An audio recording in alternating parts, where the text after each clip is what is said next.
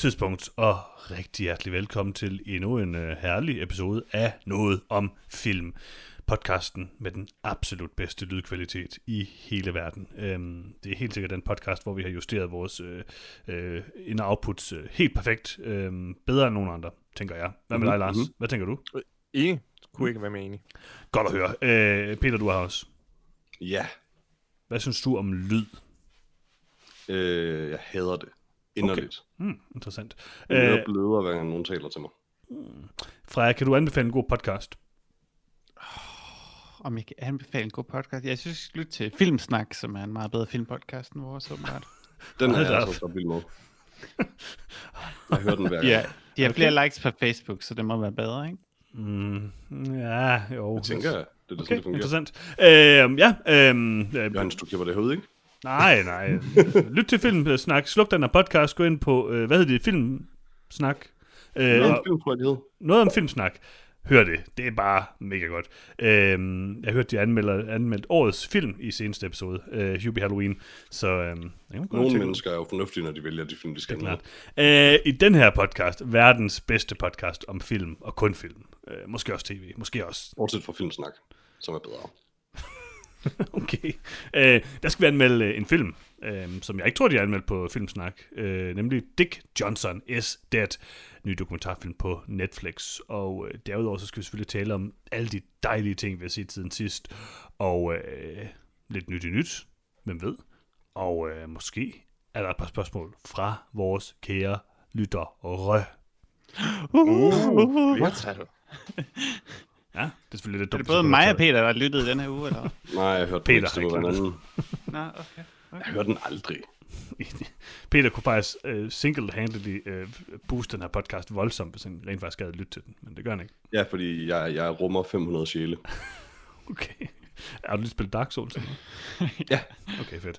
Uh, jamen, skal vi ikke kaste os ud i et par herlige, herlige trailers? Og jeg tror ikke, at Tommeren for fuld, når jeg siger, at det her, det er øh, en af de bedste trailer-uger øh, i 2020. Uden tvivl. Jeg synes, vi skal starte med en uh, trailer, der, der meget gerne vil være den bedste trailer i 2020, nemlig uh, Jiu-Jitsu med um, Nicolas Cage og, uh, hvad nu han hedder ham der fyren, der laver uh, martial arts, Peter? Tony Jaa? Øh, Er Tony Jaa med? Ja, det er han vel. og uh, hvad er det, han hedder? Oh, Frank Grillo. Ja, er han ikke Ja. din yndlingsskuespiller, eller sådan noget, øh, Peter? Øh, nemlig, det, problemet er, at jeg kan jo ikke huske, hvem han er. Fordi der er ham der den anden, som jeg så... Det problem, jeg, jeg, jeg, Men han er din yndlings, ikke? Det er det, jeg spørger om. Åh, oh, jo, selvfølgelig. Hvem end det så er. Øh, det er jo lidt problem, fordi jeg så den der trailer, og så for, jeg ved, vi kommer til at snakke om det der med, at jeg ikke kan kende forskel på ham og ham den anden, men jeg kan for the life of me ikke huske, hvem ham den anden er. Altså, er det Josh Bernthal, eller hvad? Eller hvad han hedder? John Nej, Bernthal? det er det ikke. Er det Jeg ved ikke? jeg godt, hvem er. Det er ikke Punisher. Det, det er ham, jeg synes, han Ja, ligner det er ham det her. nemlig ikke. Øh, Altså, det er ham, han ligner. det, kan, faktisk- det kan faktisk godt være, at jeg kan finde ud af det. Det er helt sikkert ham, Peter tænker på. Nej, nej, fordi ham jeg tænker... Det er, en, det er måske Frank Grillo, der spiller øh, Deathstroke i den fremragende slash dårlige Arrow-serie. Og så er der en anden, som jeg blander sammen med Frank Grillo. Jeg ved det ikke er John Bernthal til gengæld. Jeg kan ikke anbefale at google Frank Grillo, fordi alle billeder af ham, der er nøgen, ind på Google. Uh, venlig, venlig. Stop podcast. I mean, det er vel stadig bedre, end at google... Oh, hvem fanden er det nu, du altid googler Gaston fra Beauty and the Beast? Øh, Åh, oh, ja. Øh, ja, det gør jeg ikke. mere. Det gør jeg ham. Øh, jeg ser ikke nogen nøgenbilleder. Det, det, det, Nå, om du skal slå safe search fra, så skal du også lige søge på Frank Grillo nude. Freja har, okay, ja, så er det lidt noget andet, er det ikke? Freja har Grillo altid dick. safe search fra. Ja. Okay. Uh, Frank Grillo med den her film. Uh, Jiu-Jitsu. Uh, hvad synes I om traileren til Jiu-Jitsu? Øh, jeg er skuffet over, at du overhovedet, du overhovedet har valgt tre yderligere trailers, fordi vi bør kun tale om den her. Okay. Øh, Det er derfor, jeg startede med den, Peter. Jeg synes, vi- altså, vi kan godt bruge en time her, ikke? Gerne. Øh, jeg er glad for, at du har valgt den. Øh, endnu en øh, sikkert fremragende, hvad hedder det, Nicolas Cage-film. Mm. Øhm, der er nogle, den ser rigtig dum ud. Øh, jeg tænker, jeg, jeg, jeg kommer til at se den, for den ser virkelig dum ud. Øhm, og det er en film, hvor jeg tror, jeg godt kan sætte pris på, at Nicolas Cage er jordens værste skuespiller. Øhm, Det er underligt, Peter, for du, altså, du, du hader Nicolas Cage så meget, at du bare kan lide de film, som er sådan rene cash grabs, hvor, de, hvor han bare aktivt står og siger, I'm crazy og sådan noget. Altså, det er jo, Ja. det, det, er jo det ladeste og det dummeste, det her. ja, Den prøver næsten hårdere end Monster Hunter. Ikke helt. men det er jo fordi, jeg ingen respekt har for Nicolas Cage. Ja, Det er Manu Bennett, jeg altid blander øh, Frank Grillo sammen med. Haha, alverden er det. det ved I nemlig ikke engang. Og det gør jeg tydeligvis heller ikke. Øh, hvad synes I om, øh, Freja og Lars, hvad synes I om øh, Jiu-Jitsu? Altså, jeg forveksler altid Frank Grillo med Fred Savage. Det er mit store problem. Fred Savage. Kan jeg finde dick pics af ham? Helt sikkert. Okay, nu sidder jeg sammen og googler Fred Savage. Hvad synes I om Ja. den her trailer? Hvorfor ved I ikke, hvem Fred Savage er? det ved jeg kan også godt han ligner ikke Fred Savage. Jeg tænkte bare, at det måtte være en anden Fred Savage, fordi du overhovedet ikke har ret i den påstand. Nej, Nej, det er også... ligner da fuldstændig ham fra The Wonder Years. Ej, Jeg synes, at øh, det her det var en rigtig trist trailer. ja, Fordi enig. jeg er jo stor Nicolas Cage-fan. Øh, jeg mener, at Nicolas Cage er en af vores tids største aktører, øh, skuespillere. Øh, og jeg troede simpelthen, han var for fin til at være med i en, øh, jeg går ud fra en kinesisk kopi af Predator. Øh, Predator, Ikke en men- kinesisk film, Lars. den er ikke kinesisk. Ikke kinesisk. Men er den ikke? Den er ikke Det kinesisk. tror, du vel ikke, det tror du vel ikke selv på, Johannes? Det er en af de der russiske øh, Kina-film Så er den også kinesisk. ja. Den er det er amerikansk. Dimitri Logotetis, der har instrueret den. Og så er det han er så 100% for, også han, kinesisk. han er så for Kyberen, men ud over det. Den er stadig 100% Den kinesisk. er amerikansk, den her film. Den har det- intet med Kina at Der gøre. er ingen skillen mellem de to ting længere. Prøv, jeg deep diver på det her, men jeg er okay, helt 100% den er, ikke, sikker på den det. er 100% kinesisk, det, det lover jeg dig. Og jeg synes, det var trist. Der er nul kinesiske skuespillere med i den her film. That's how they så? get you. Okay, jeg kan ikke helt udelukke dem. Der er faktisk en kinesisk skuespiller med i den her film. Juju Chan? Ja, ja, ja. Undskyld. Uh, jeg tager lige mig igen. Uh, men uh, Dimitri uh, Logotetis, han har jo... Uh, og det synes jeg var fint, at de lige uh, promoverede lidt, ikke? Altså, instruktøren bag en af de mange kickboxer-film. Uh, måske den bedste, hvem ved. Ikke sådan den, den kendte af dem, men whatever. Jeg synes også, det er værd at påpege, at han har produceret mindst en anden. Okay. Uh, men Lars, trist film. Er trist. Uh, det her ligner noget værd lort, og jeg har ikke mere at sige. Jeg kan godt lide, Lars, dit koncept med en auteur-skuespiller. Jeg synes, det passer godt på Nicolas Cage, fordi ideen er vel så, at man kan se skuespilleren i værket, så det må vel betyde, at Nicolas Cage ikke kan spille skuespil. Mm, det har du til dels ret i den betragtning. Men, men, men, men du tager også fejl på samme tid, og, og det synes jeg er smukt.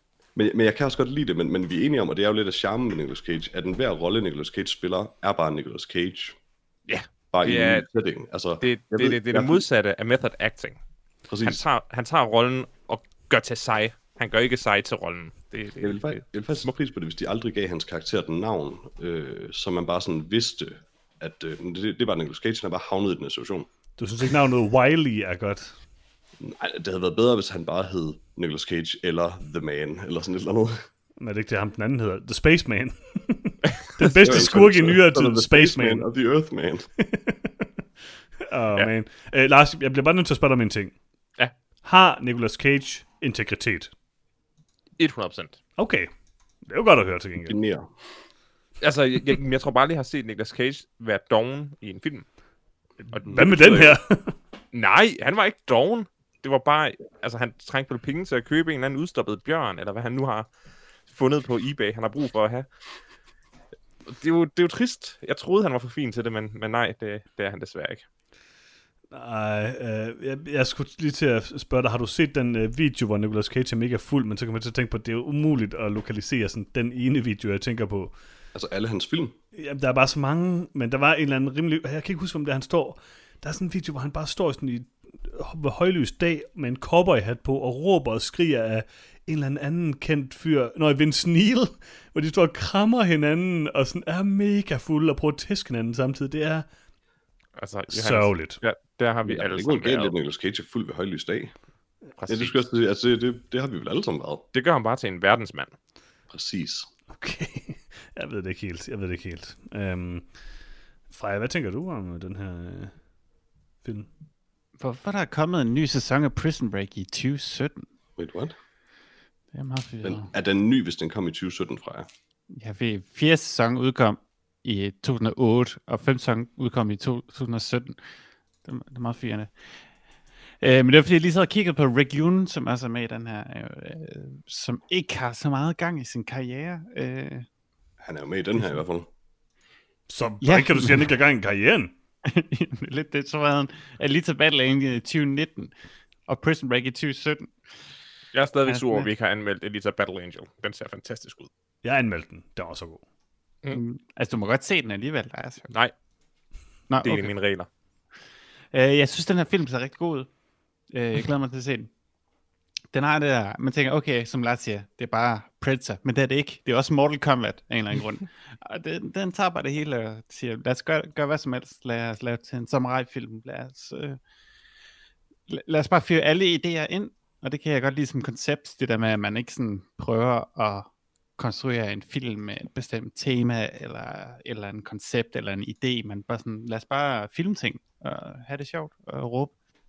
Altså, Øh, jeg, jeg kan også godt lide, øh, som en, øh, en slags øh, martial arts sports øh, fan, øh, filmfan, så, øh, så kan jeg godt sætte pris på, at den har de, de ikoniske jiu-jitsu katanaer som øh, stærkt fokus. øh, det er jo ikke sådan, altså- at jiu-jitsu specif- specifikt er det, man brugte, når man ikke havde sit svær. Altså, der er 0% jiu-jitsu i den her film. I mean, der kan godt være jiu-jitsu, men Ja, ikke når det er svær. Men det er heller, øh, vi får heller ikke så mange af de der øh, helt vildt dårlige lavbudget B øh, kampsportsfilm mere fra sådan et, et, et, vestligt øh, område. Nu er det alt som, okay, så får vi noget fra Indonesien eller sådan noget, ikke? Det en god gammel øh, giving the, it all the cottage try øh, kampsportsfilm fra, fra Vesten. Det er jo, det er jo, det er jo dejligt. Hvad mener du med B-film? Og at det kan få det til at ligne en film fra Kina, gør det jo kun ekstra godt i vores øjne. Det er jo en triple A-film, der tydeligvis. Mm? Så er det ikke Nicolas Cage's paryk. Jeg så hans headband. Åh, oh, det var godt. Yes, det var Jiu-Jitsu. Ja, Ja. altså, den så øh, forfærdelig ud. Forfærdelig ud. Øh, den Ja. prøvede alt for hårdt. I virkeligheden er der sådan set ikke så meget at snakke om i den her film. Vi anmelder den selvfølgelig. Selvfølgelig, Det er selvfølgelig. klart, det er klart. Øhm, ja, det var sørgeligt. Øhm, så kommer vi videre til næste trailer. Jeg, jeg vil ikke afsløre for meget. Uh, The Empty Man. Øhm, ny gyserfilm, øh, øh, udgivet af, af Disney, tror jeg nok. Øhm, hvad sådan siger om traileren til The Empty Man? Før vi kommer til, hvad du ikke vil afsløre? Jeg, jeg skulle bare lige til at sige... Øh, Hvem The Empty Man er, ved du nej, det? nej, jeg skulle bare til at sige endnu en sørgelig trailer, men så var der ikke så meget at snakke om. Nå, jeg. Øh, men, jeg, men ja, uh, The Empty Man er endnu en sørgelig tra- trailer uh, for en tilsyneladende sørgelig gyserfilm. ja. Øh, den så ikke, den så ikke så god ud, Har I hørt om det der Bloody Mary? Hvad hvis vi gjorde det, men bare ikke Bloody Mary? med en flaske i stedet for. Ja, Og man kan godt skære sig på en flaske, det skal man jo huske. Det kan godt være Så lidt farligt. bare, Bloody Mary fungerer lidt, fordi hvis du stiller dig på et badeværelse med lyset slukket, kigger ind i spejlet og siger Bloody Mary tre gange, mens du kigger ind i spejlet, Det skal du og så tænder lyset, så har du bedt om det. Hvis du bare randomly står på en bro midt om natten, fuld sandsynligvis alene, har en tom ølflaske i hånden, fordi igen du har drukket, og kommer til at blæse i den. Så, Men du skal også tænke på Empty Man, du skal også tænke på Empty Man, jeg hvilket gør tænker det. altid på The Empty Man. The Empty Man er mig. Jeg er lidt i tvivl om, hvem The Empty Man er, The fordi jeg må er mig sige... alene på en bro midt om natten, fuld, er mens jeg står og blæser i en ølflaske. Det eneste, jeg kunne tænke på, da jeg så den trailer, det var, at jeg kunne tænke på det åndssvage spil, der udkom for et par år siden, The Quiet Man, eller hvad det var. Det lignede sådan lidt det samme. Fanden var det Kan I ikke huske det der, hvor, hvor hele spillet var sådan, øh, hvor der ikke var noget lyd i hele spillet, fordi det skulle være sådan mega kunstnerisk. Åh, oh, var det det, der var sådan lidt racistisk egentlig? Ja, det var meget, det, det var helt fucked up. Øh, jeg ved ikke, jeg synes, det store problem med den, det var, at jeg ved ikke, hvem The Empty Man er nu, og jeg må sige, at jeg ved mindre, hvem The Empty Man er nu, efter at have set traileren, fordi jeg sad og tænkte sådan, det der skelet, det, det var sådan en okay skud, det tænkte jeg, det var da måske meget, øh, det kunne godt være lidt uhyggeligt, hvis det der skelet bevægede sig. Det var et flot skelet. Men så bevægede det sig bare ikke, og så kom der et eller andet, sådan, en eller anden goop ud af væggen, som jeg ikke ved, hvad er. Jeg kunne ikke se, hvad det forestillede.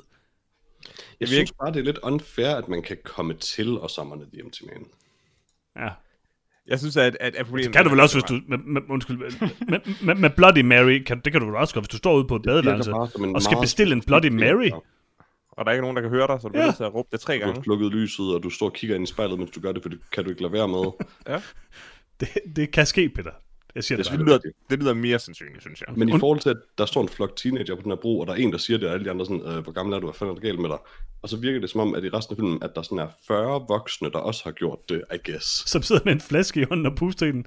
Det, det er måske Nå, men lidt altså, underligt. hvis vi ser adskillige mennesker, der lader til også at se The Empty Man, I guess. Øh, altså, like en 40 40-årig fyr eller sådan noget, men lommelygte kan jeg se på det frame i hvert fald for den. Øh, Har han også gjort det? Det er svært at sige, fordi jeg aner ikke, hvem The Empty Man er. Nej. Lars, du var ved at sige noget. Jeg kom til at afbryde. undskyld. Ja, det var jeg. Den her film Jeg virker synes til... altså ikke, at det øh, ser helt vildt godt ud. Men altså, jeg kan godt lide konceptet. Jeg synes, det er godt. Det var flasken så, øh, Ja, Lars. Nej, jeg har ikke noget. Jeg har ikke jo, Lars, jeg vil gerne høre det. Kom nu, Lars. Noget. Jeg har ikke noget. Det her det ender med at være sådan, du, du har den vigtigste pointe om The Empty Man. Jeg det har, helt den, sikker jeg har den eneste pointe, fordi der er ingen af jer, der har haft nogen pointe indtil videre, og nu nægter jeg at nægter, Jeg den. nægter at fortsætte podcasten, før Lars har sagt det. Det bliver en lang podcast.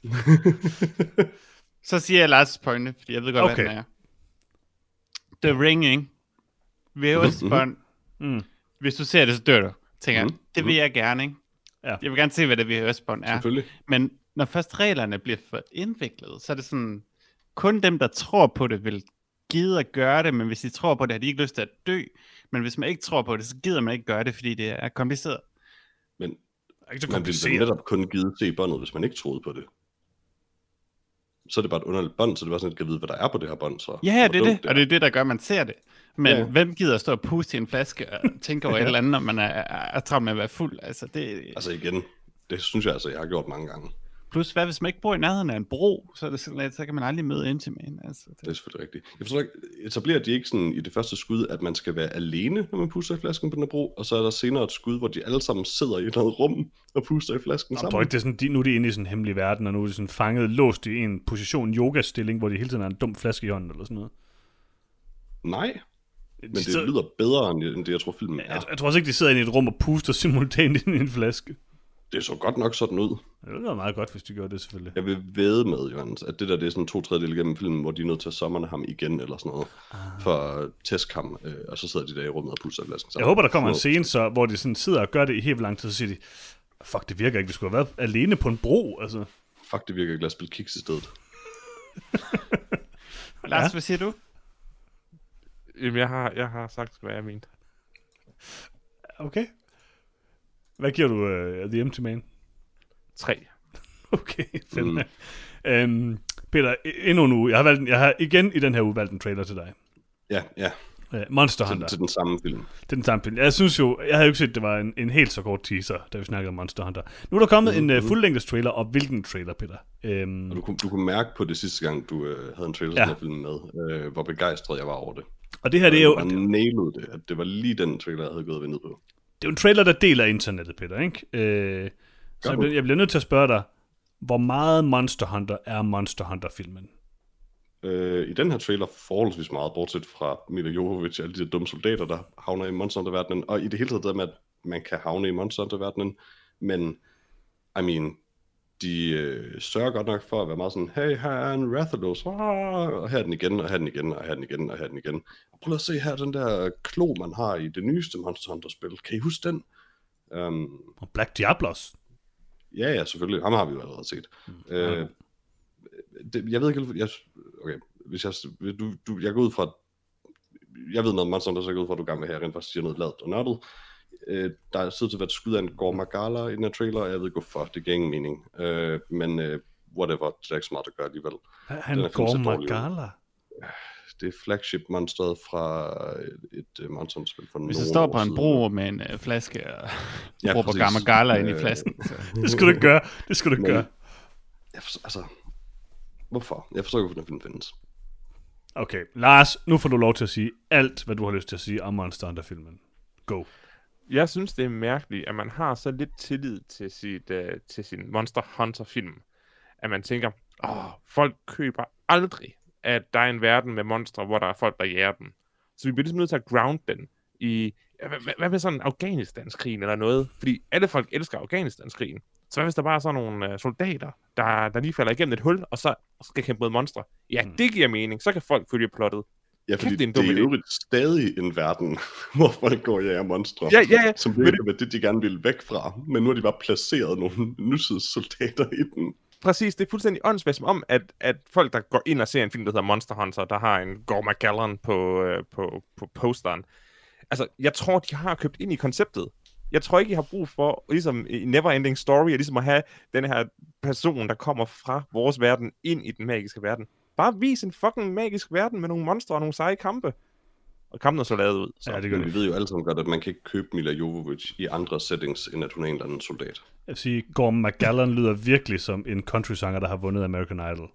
Jeg er nødt til at sige, det er Gore Magala, og det, der, er- der, jeg er ked af det, men der er ikke en Gore Magala på coveret. Det er stadig Black Diablo. Jeg siger altså Gorm McGallan, det, det er bedre end det, det. det gør det du er bare. Det er en Black Diablos, Black Diablos der har kunstnernavnet Gorma Gallan, og han er amerikansk Men kun når, han spiller, ja, kun når han spiller country. Lars, det der med, altså, det er jo rent nok, Afghanistan-krigen er en meget populær krig. Så alle de der YouTube uh, top 3 videoer med top Love 3 bedste krige og sådan noget, Afghanistan er altid nummer et. Altid nummer. Nogle gange nummer to også. Ja, det, er kun, det er lidt kontroversielt så. Det er ligesom hvis man siger, at Gorm McGallan er det værste øh, Monster Hunter Monster. Om monster. det er med, den er både nummer to og nummer tre nogle gange, og det forstår Nå, jeg ikke altid. okay, Eller undskyld, nummer to og nummer et. Jeg tænker bare, de kører rundt i den der ørken, og så siger de sådan, Åh, hvorfor der, har I set de der lysende pinde? Eller øh, sten eller sådan noget. Måske ikke helt pinde. Sten. Øh, men hvorfor er der ikke nogen, der har opdaget dem før? Fuck, hvorfor har du ikke skrevet manuskriptet til den? Det ville være hans. Det er bare sådan, de, de er meget sådan tydelige, det er bare sten. at de lyser. Altså, jeg mener det gjorde de jo ikke i starten, da da de kørte forbi, mm. for det er bare sådan en sten, der er blevet Det er jo ikke en skåret ud. sten. Ja, Okay, den er skåret ud. Hvad er det der for, er det der for en sten? Det ved jeg ikke, den ser gammel ud, og så kører de videre. Ganske fornuftigt. Altså, jeg må sige, det jeg var lidt overrasket over den trailer, det var, jeg havde ikke regnet med. altså, efter at have set den her teaser, tænkte jeg sådan, okay, de her, de, de har bare tænkt sig at skide på Monster Hunter, øh, og bare lave noget, der ikke har noget med Monster Hunter at gøre, men lave sådan en mærkelig Godzilla-film. Og så lige pludselig så er det sådan 100% Monster Hunter, og det er 100% er, er Okay, stretch. men, 95% Men jeg, Monster Hunter. de, de, de, de viste allerede i den første teaser øh, en fyr i sådan en klassisk Monster Mm. Hunter outfit med et stort svær lavet af knogle, så der var tydeligvis et eller andet stadig. Men i, i, men i den første film, der troede jeg, at det var sådan konceptet, at øh, monstre fra Monster Hunter-verdenen rent faktisk fandtes i vores verden. Ja, det tror Og det jeg var bare Det hemmeligt, og der var en lille gruppe Monster Hunters, der så ligesom havde de der knaldede, øh, de der knaldede rustninger på, og holdt dem væk fra mennesker. Ja. Og, at film, og filmen så handlede om, at okay, nu de er ved at tabe de her Monster Hunters, så der skal, Mila Jojovic skal være en ny sej Monster Hunter. Okay. Men, men nej, det er en åndssvag rammefortælling om sten i ørkenen, der kan teleportere soldater fra Afghanistans krigen ind i en anden verden. Ja, Og så er spørgsmålet, kommer den her film til at hoppe frem og tilbage mellem verdenerne, eller var der bare virkelig, virkelig mange våben i bagagerummet på den bil? Og Jeg- helikopter og fly, fordi der var helt vildt mange moderne ting i Monster Hunter-verdenen. Der er helt klart et eller andet med, at porten ligesom er åbnet nu, fordi hun siger et eller andet senere med, at Ja. vi er nødt til at lukke porten lige meget, hvad der koster, eller sådan noget. Hvor, I mean, så må der vel være et problem andet, end at de bare er havnet her, fordi det er åbenbart ikke nok, at de er fanget i en anden dimension. Nej, Der er nødt til at være mere på spil, og de er selvfølgelig også nødt til at kunne få en jet, øh, jet- jetfly ind på et tidspunkt. præcis. Det jeg tror jeg, det er sådan lidt øh, øh, Pacific Rim. De synes, de jammer lidt over, at der er en port mellem en verden med monstre og Afghanistan. Det er simpelthen noget magtværk. Love it. Nej, den ser ganske forfærdelig ud.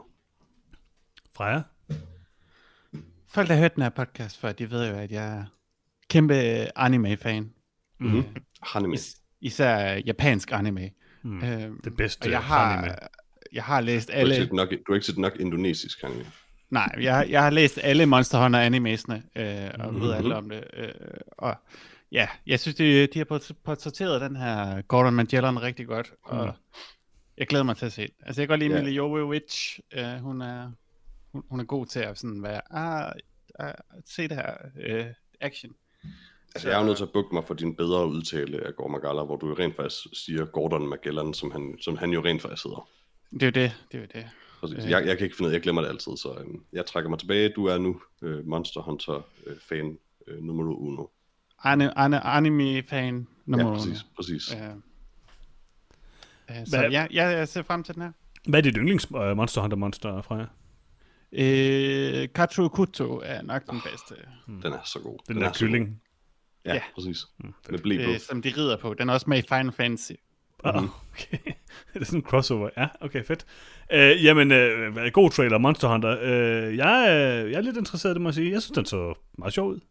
Det er også det, jeg tænker, at jeg, i virkeligheden tror jeg bare, at du er interesseret i den her film, siden du nu har valgt den to gange til trailersegmentet, og bliver ved med at sige, det er for din skyld, Peter.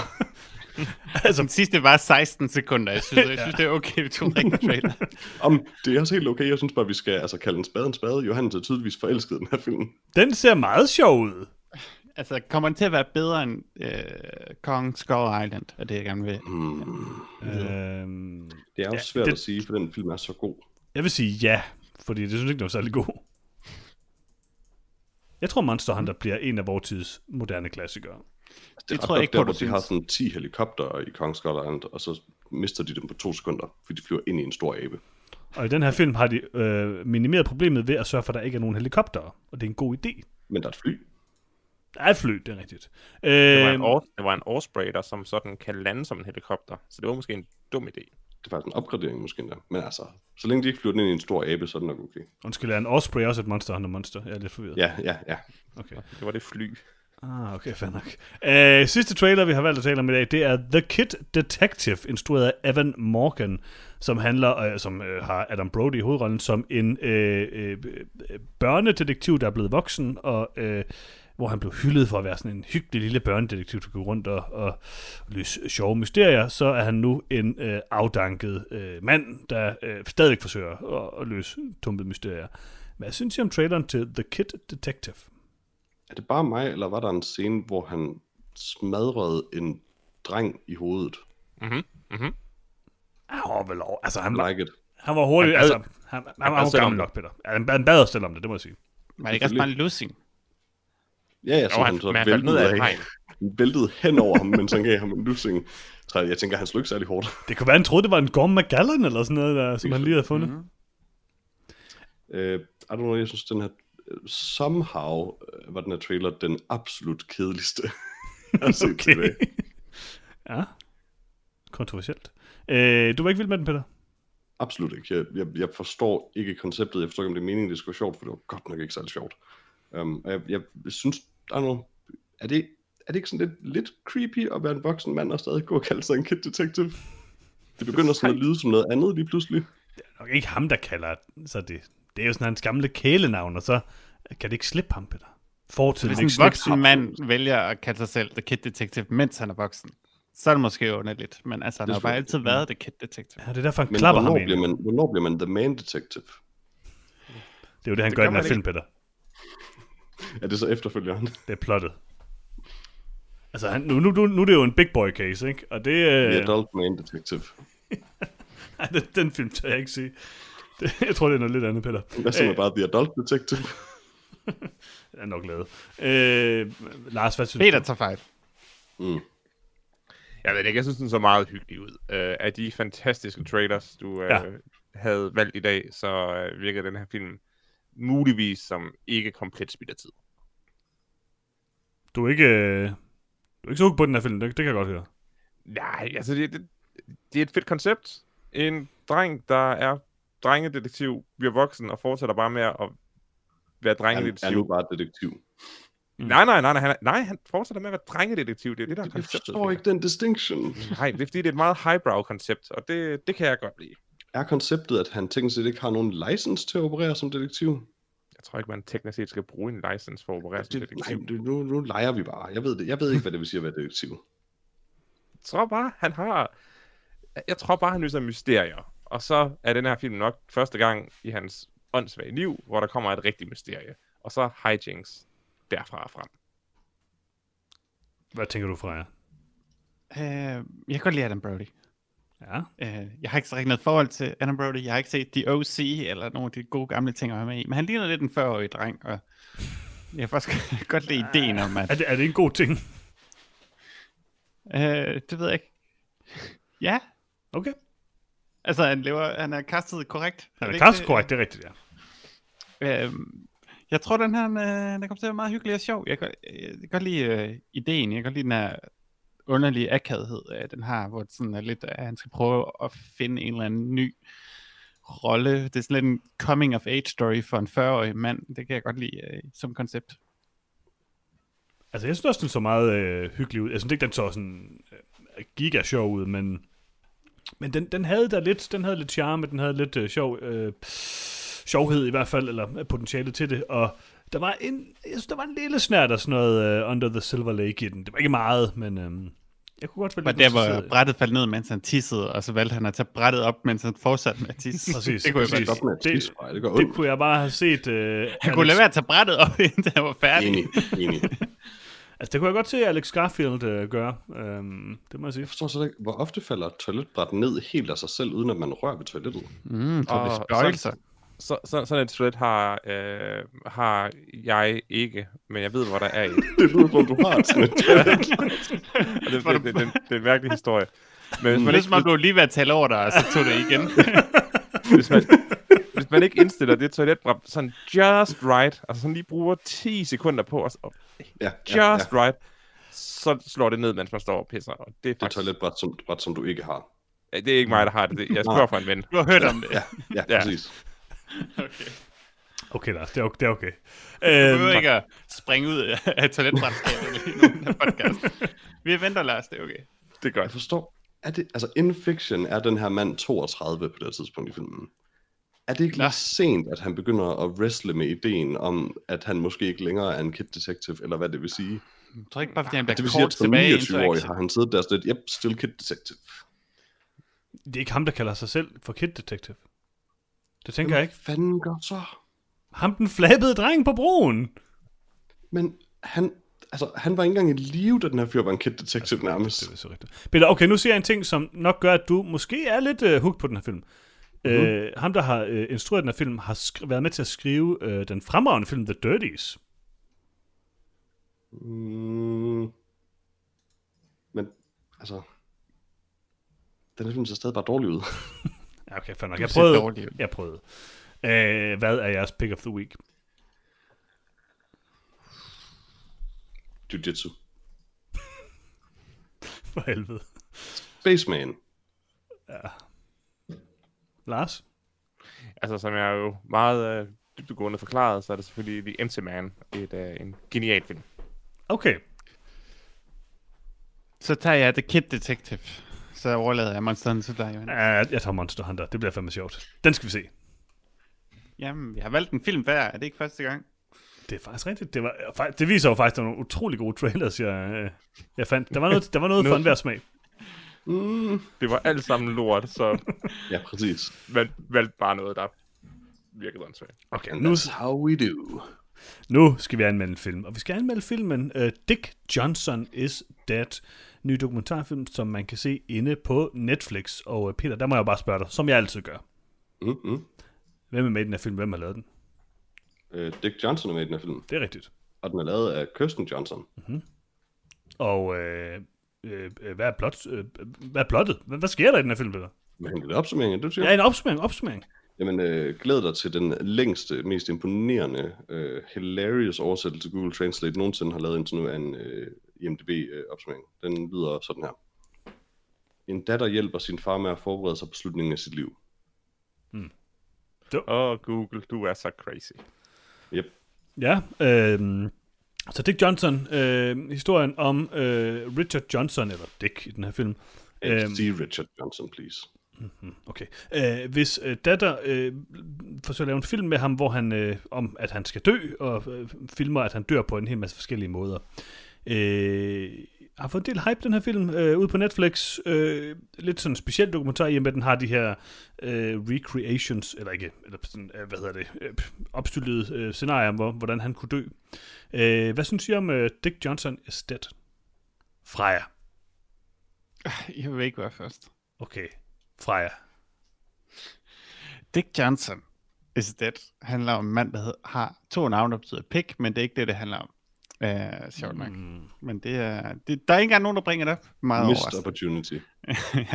ja. uh, men jeg har den her dokumentar om Dick Johnson, som er en uh, herlig, herlig mand, uh, som mange godt kan lide, og det kan man godt forstå, uh, fordi han er, virker meget rar og varm, uh, men han har så også haft nogle udfordringer i, at hans kone døde af Alzheimer's og sådan noget. Uh, og det har selvfølgelig også påvirket vores uh, instruktør Kirsten Johnson, uh, så derfor har jeg valgt at, at fortælle en historie om hendes far, der dør. Øhm, igennem nogle fiktionselementer også, øh, som vi samtidig også ser bliver filmet i en dokumentarstil og sådan noget. Øhm, jeg var faktisk ikke særlig stor fan af, af Dick Johnson is Dead. Øhm, jeg føler lidt, at den bevæger sig for langt væk fra det narrativ, jeg egentlig synes er interessant, som er Dick Johnson selv, og øh, fokuserer lidt på meget om det omkringliggende, og lidt for meget i, i sådan en, øh, nogle narrative koncepter omkring døden, og hvordan det portrætteres, frem for at bare portrættere Dick Johnson, som jeg egentlig... Jeg vil bare gerne vide mere om ham, og, og være mere ind i hans liv, end jeg egentlig var interesseret i ja, alt det, som Kirsten Johnson måske havde puttet ind i den som sådan en, en, en omkransning. Øh, jeg synes ikke rigtigt, at det fungerer som koncept, øh, og jeg synes, den ender med at være sådan lidt forvirrende og underligt til sidst, hvor det der med helt med... Øh, altså man bliver fyret i, hvad der er rigtigt, og hvad der er øh, fiktion, hvilket selvfølgelig også er intentionen, jeg synes bare ikke, det fungerer så godt, og noget af det kommer til at virke komisk, fordi man lige pludselig hele den her tale med, hvor Dick Johnson er død sidst, og hans ven der, og sådan, okay, hvad skal jeg føle lige nu, fordi jeg ved ikke, at Dick Johnson er død, hvad, hvad sker der, hvad er pointen, og så videre. Uh, og den ender måske på, ja, jeg ved ikke, kan man spoil den her film? At... Nej, det ved jeg ikke, om jeg synes, vi behøver, altså, eller hvad? Nej, men jeg siger bare, man kan sige, selve... Jeg tror ikke, den... Jeg ved ikke, om den har den slutning, hun havde intention originalt, eller om det sådan lidt bare valgt at slutte filmen på et tidspunkt. Uh, jeg synes i hvert fald, den slutter utilfredsstillende. Uh, mm. Og jeg kommer ikke helt ned i det der uh, ellers rigtig interessant narrativ med, at han sådan lidt som Dick Johnson, altså er, er ved at blive dement, eller er dement, og, og være, øh, komme ind i hans psyke, og ligesom se nedbrydning, og opleve, hvad det egentlig betyder for en person, øh, fra et meget øh, intimt perspektiv, øh, hvor vi ofte ser det meget udefra. Øh, det var egentlig det var egentlig det, jeg synes, der var interessant, og ikke så meget andet, øh, hele den her konceptidé. Ja, hmm. øh, hvis jeg må øh, fortsætte. Øh, jeg, jeg ved ikke, jeg, jeg tror måske, jeg havde øh, for høje forventninger, eller forkert sagt, men andre forventninger til filmen, men det den egentlig var. Um, fordi du har, at, at den er meget, meget rodet, den her film. Uh, og det er ret tydeligt, og nu har jeg også læst et interview med, med Kirsten Johnson, at det, det fremgår så tydeligt, men, men at, at det er ret, altså det, de finder på det, as they go. Um, de her, også de her sådan, øh, dødsscener og sådan noget, er jo også, hvad kan man sige, de, de skabes ud fra konteksten på en måde, det der ligesom øh, sker i deres liv på det tidspunkt, og det kan man godt mærke, og det kan man også godt mærke på hele strukturen. Jeg, jeg ved ikke, om hun har haft en plan med det som sådan, det tror jeg faktisk ikke, at hun har, andet end at det her det har været et terapeutisk øh, værktøj for hende, og at hun bare ville skildre den her, den her tid, øh, sådan et vigtigt tidspunkt i hendes og hans liv på en eller anden måde. Um, og det synes jeg faktisk ikke gør noget. Jeg tror, det kom lidt bag på mig, at det bare var det, det eller ikke bare, men det var det, det var. Øh, det ikke var helt fokuseret. Men i sidste ende fungerer det ret godt for mig. Øh, dels er Dick Johnson et fucking herligt menneske. Oh my god, hvor er Dick, Dick Johnson bare den sødeste mand. Øh, og jeg vil gerne have en helt dokumentar om hans tær øh, bagefter, og om hvor fine de er. Øh, så han kan have det godt med det.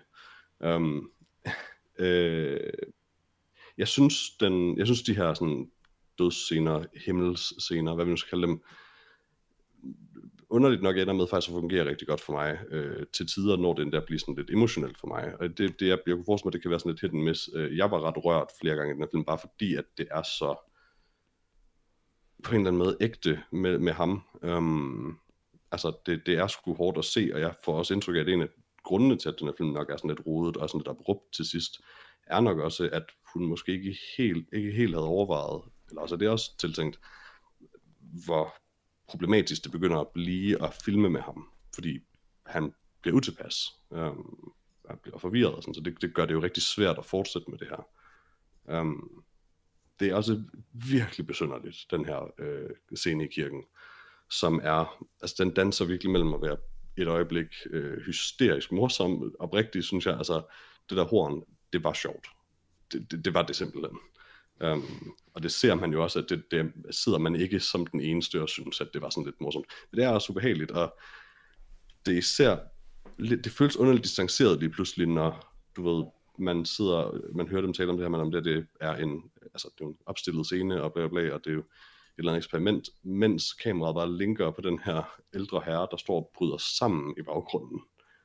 Um, altså, det, det, det bliver lidt svært at se på på en eller anden måde. Jeg ved ikke, om det er godt eller skidt, øh, uetisk måske en smule, i forhold til den her mand i hvert fald, han har det tydeligvis rigtig svært med det her. Um, men det er også effektivt.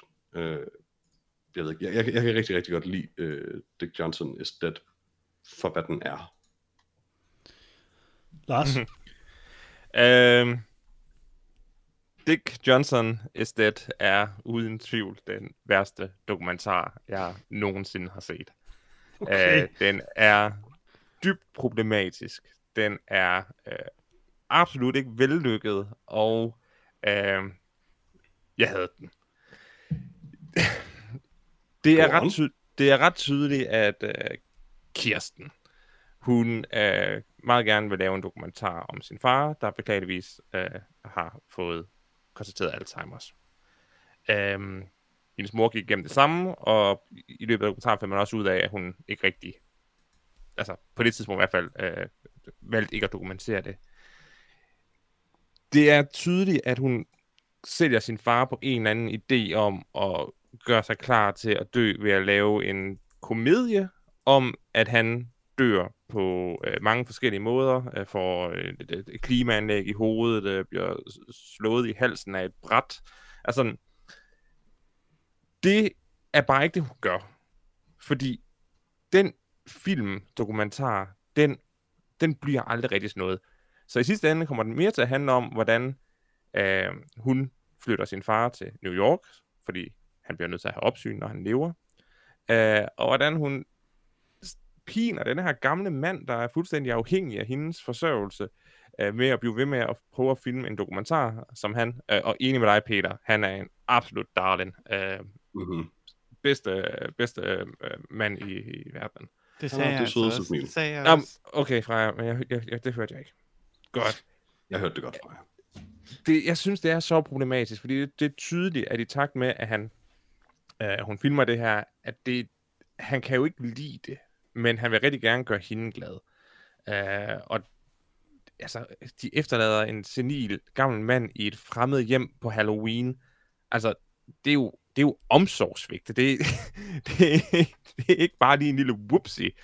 Øh, og det kunne tydeligvis have gået, gået galt. Det eneste, som det her filmværk fungerer som, det er, hvis det er den længste og øh, mest nederdrægtige practical joke på en gammel mand, der spiller jagthorn. Fordi kammeraten, der skal stå og, og holde tale, og efterfølgende spille på jagthorn, du har ret, Peter, det var hyldende morsomt. Altså, Det er det jo bare ude af kontekst. Ja. Det er det Og- simpelthen bare. Og, og det er jo så super tragisk, at altså han er jo altså han er jo m- han bliver traumatiseret. Altså det, det er ikke bare sådan, ah, det var også en dårlig dag. Det, det, er, jo, det er jo tydeligt at se, hvor, hvor, hvor stresset og traumatiseret han er af situationen. Han knækker hø- fuldkommen i hvert fald. Han, han, han knækker fuldkommen. Øh, plus, at den, den scene er mærkeligt klippet sammen, fordi at øh, hendes far øh, er jo tre steder under scenen, så det er også en, en mærkelig opstykket. Jeg, jeg forstår det ikke. Jeg synes, det her det er et kynisk... Øh, øh, en kynisk dokumentarfilm, som hun ikke engang har... Altså, hvis, hvis hun bare havde lavet en dokumentar, gjort det ordentligt, vel at mærke, fra sin far fik konstateret Alzheimer's, og så bare til han døde, og egentlig bare filmede, hvordan han forsvandt. Det vi har været stærkt, og det vi har været modige, og det havde også været kynisk. Men det er det her ikke. Det er en fjollen øh, vandren rundt om den varme grød, mens to folk ube, øh, utilpas griner af det faktum, at hendes far er alvorligt syg. Øh, jeg synes overhovedet ikke, at det fungerede. Der var dog den fantastiske scene, da hun meget stolt sagde, at hun lavede dokumentarfilm i stedet for Hollywoodfilm, fordi dokumentarfilm var meget mere interessante, øh, eller, eller meget mere spændende, spændende øh, i en tre minutter scene af en gammel mand, der spiser suppe. Det var ret spændende at se ham spise suppen. Det var jeg forfærdeligt med, uinteressant. altså, jeg sad på kanten af sædet og var bange for, at han ville spille. Ja, ja han, og da, da, da han var lige ved at spille på sin læbe, men nåede at gribe det med, med skeen. Åh, oh, det var... Jeg tror, jeg tror, at han spiller en lille smule og tør det op bagefter, men det synes jeg også var, var godt gået. Han var hurtig til at tørre det op. Ej, øh, jeg havde den film. Tak.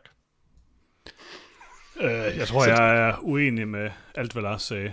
øh, fra ende til anden. Øh, jeg, eller, Du kan ikke lide Dick Johnson, at du siger, du synes, han er nederen. Ah, okay, måske ikke lide det. Han er en herlig fyr. Uh, det ved jeg ikke. Altså, det er slet ikke sådan, jeg så filmen overhovedet. Um, overhovedet, faktisk. Uh, jeg synes, det er en, um, en på mange måder sød film, også en hård film, en rørende film, en, uh, et, et, et kærlighedsbrev fra en datter til faren, og fra faren til datteren. Um, med øh, nogle af de mest charmerende karakterer, man kan finde. Og jeg synes også, det er en vigtig film. Jeg synes, den, den tager et meget, meget, meget hårdt emne, og sætter fokus på på en god måde. Og altså, det er jo en, det er jo en dokumentarfilm, der laver nogle fortælletekniske greb, og jeg synes ikke, det er det hele, der nødvendigvis fungerer. Øh, jeg synes ikke nødvendigvis, de her reenactments altid er lige gode, eller lige øh, effektfulde.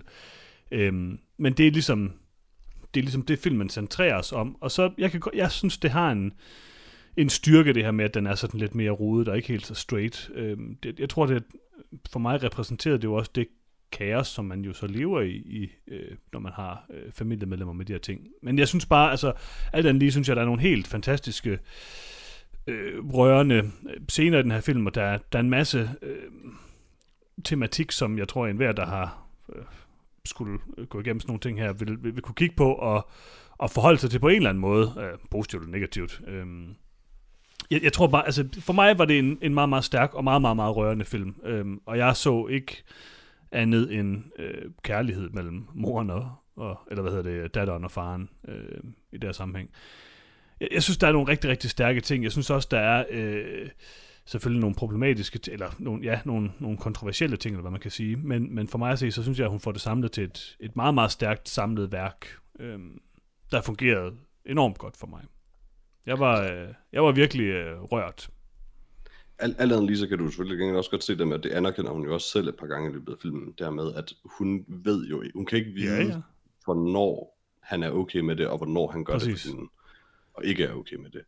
Um, og der er tydeligvis tidspunkter, hvor han ikke er okay med det. Uh, personligt har jeg indtryk af, at de fleste af de tidspunkter, hvor han ikke er okay med det, skyldes ganske enkelt, at, han, at det er, mens han er meget forvirret. Mm. Um, to their credit virker det som, at de stopper, når, altså Ja, den det var ene sådan, gang, jeg- hvor det, hvor det, den ene gang, hvor det bliver rigtig slemt. Um, der siger, og jeg tror faktisk, det mener jeg, hun siger, det er, det er vist det sidste er sådan noget, de filmer. Altså jeg tror faktisk, de stopper med at filme de der ting efter det. Mm. Øh, fordi, Ja, jeg tror, de filmede den der, hvor han bare sad i den her lejlighed. Den filmede de vist bagefter, tror jeg. Øh, men det var så ja, sådan lidt det er en muligt. situation. Det var ikke en er også, jeg, jeg er ikke helt sikker på, hvor kronologisk det der det er nemlig. Øh, altså jeg er ikke sikker på det der med bjælken, det foregår før Halloween for eksempel. Det er ikke, det er ikke nødvendigvis tilfældet. Um, men, men det er svært at sige. Hvor Ja, man altså, i der er jo så- nogle, nogle tidsspring, hvor den rent faktisk skriver, at yeah. der går noget tid. Øh. Um, hvor man tænker, altså i hvert fald begge de to scener, der er det jo, der er det jo tydeligt, at han, han bliver utilpas, og to her credit, altså man kan, det, det, jeg kan sådan lidt sagtens følge Lars i det, og det lyder også at både mig og Freja har sådan et, et, et, et tinge af det i vores oplevelse af filmen. Øh, så det er bare et spørgsmål om, i hvor høj grad, hvor meget det påvirker oplevelsen af filmen. Men øhm, altså, to her credit, så adresserer hun det hver gang. Det, det er jo også det, jeg Ja. tænker. Jeg, jeg, siger jo, jeg siger jo ikke, det ikke er der. den her scene med ham i bilen, efter hun glemmer ham mm. i det her hus, som jo bestemt ikke er en scene, der får hende til at se godt ud. Um, fordi det er menneskeligt, tror jeg, hun tænker. Præcis. Altså, og det, det, det er også bare sådan, jeg oplever det. Men øhm, altså, selvfølgelig kan man opleve det på forskellige måder. Men, men jeg, jeg synes bare ikke, jeg så... Altså, jeg synes, jeg så noget, der var et, altså et forhold mellem to mennesker, der var enormt ægte. Og jeg synes, noget af det stærkeste i den her film er det her... Øh, den her forholden sig til... Altså, den måde, hvor han skal erkende, hvad der er ved at ske med ham, og han ved, hvor hårdt det var for ham med konen, og hvor hårdt det var for datteren osv., og nu skal han gøre det mod datteren i endnu en gang, og så videre, altså, eller gøre det, altså, at det sker for hende igen. Altså, det er jo enormt hårdt øh, som menneske at skulle forlige sig med fra begge parters side, og det synes jeg virkelig er, øh, er skildret på en ekstremt rørende måde, den her film. Altså, jeg, jeg er fuldstændig enig. Der er et par øh, velfungerende scener. Øh, der er scenen, øh, hvor han ikke længere skal have sin bil. Mm. Øh, det, det er en rigtig god scene, der netop... Altså, den, den, den, den bearbejder præcis øh, at det her emne på et tidspunkt, hvor hans, hans psyke er på, på vippen. Så altså stadigvæk den fulde evne til at indse øh, problematikken, men også at vide, at, at det ikke bliver bedre. Ja, Øh, så med, at man har, man har oplevelsen af, undskyld jeg men det der med, Ja. at man i den scene har oplevelsen af, at det her det er det, det der øjeblik, hvor hun ikke helt fortæller ham alt for at skåne ham, og det er også hårdt på en eller anden måde. Mm. Altså ikke usympatisk, men hårdt for begge. Mm. Og så er der, øh, der var en scene mere, den, den husker jeg ikke lige, hvor de, hvor de også græder sammen, og, og det var også en rigtig fin scene. Der er det Men- Men... huset i hans hus. Øh, nej, nej, fordi det, det synes jeg var sådan lidt mere problematisk. Øh, Det var lidt den der med, at okay, nu skal jeg af med mit hus, men det gør jeg gerne, fordi jeg vil gerne bo sammen med dig. Det viser lidt af den her magtbalance, der er i, i forholdet, øh, som jeg måske problematiserer lidt. Der er også der, hvor hun skal til Israel, tror jeg det er. Ja, Ja, ikke der, hvor han også græder. Jo, men det, der, der hægtede filmen med mig sgu lidt af. Det, det fik jeg ikke helt... Det, det, jeg forstod ikke helt øh, Det tror jeg geometrien i... bare et øjebliksbillede. Altså, Ja, det tror jeg nemlig også, og jeg forstod ikke helt geometrien i, og, og, og, og, og hvor, altså, om det var alvorligt, eller om det ikke var alvorligt, og så gik filmen videre. Men Men tricket med den dokumentar er jo også et eller andet sted, at den er jo halvt om halvt. Altså noget af det er jo decideret, hvor de har fået budget til at skyde alle de her ting, og den anden halvdel er jo, og det er næsten det der, altså det er jo det, der i hvert fald opleves mest ægte, fordi det er det jo også, at det tydeligvis noget af det vidderligt er hendes telefon, hun sidder med, og sådan, altså hvor her er vi i et øjeblik, og nu filmer vi mm. det her, og så er det jo bare, jeg tror også, det er bevidst fra hendes side, at det bare er sådan lidt en pærevælling af de her ting, om det har været planen på forhånd, eller er Ja, blevet det så- i the cutting room, så, så er det jo i hvert fald det, det er. det, det, og, og det er den der, hvor man kan sige, jamen det, det er muligvis bevidst, at det er en pærevælling, og, og det er så der, hvor jeg siger, at den, kø, den køber jeg ikke. Uh, der er nogle effektive scener, der er, altså der, der bearbejder øh, emnet respektfuldt, og, og, og som fungerer for mig, men det er bare ikke en stor kunst i en halvanden timers dokumentar at, at præstere og ramme tre scener, der, der er sammenhængende og giver mening, når resten af det, som jeg ser det, er et mudret, ufrivilligt øh, rod. Jeg, jeg kan sådan set sagtens følge dit standpunkt. Jeg, jeg deler det ikke, men jeg kan sagtens følge det. Øh, fordi jeg, jeg havde også en oplevelse af, mens jeg så den her film, at det her, det, altså, jeg endte med at være glad for den, men jeg havde sådan en følelse, en tydelig følelse igennem, at det kunne gå begge veje for mig. Um, fordi der er bestemt ting i den, som jeg sådan rynker lidt på fanden af. Altså, øh, altså stjerneeksemplet må virkelig være Ray inde i kirken. Det, det har jeg det svært med at forlige mig med. Øh, han har jo sagt god okay til det på et eller andet tidspunkt, jo, både før og efter, men Altså, det er så, det, det, det, det synes jeg, ah, no, det er for Ja. meget.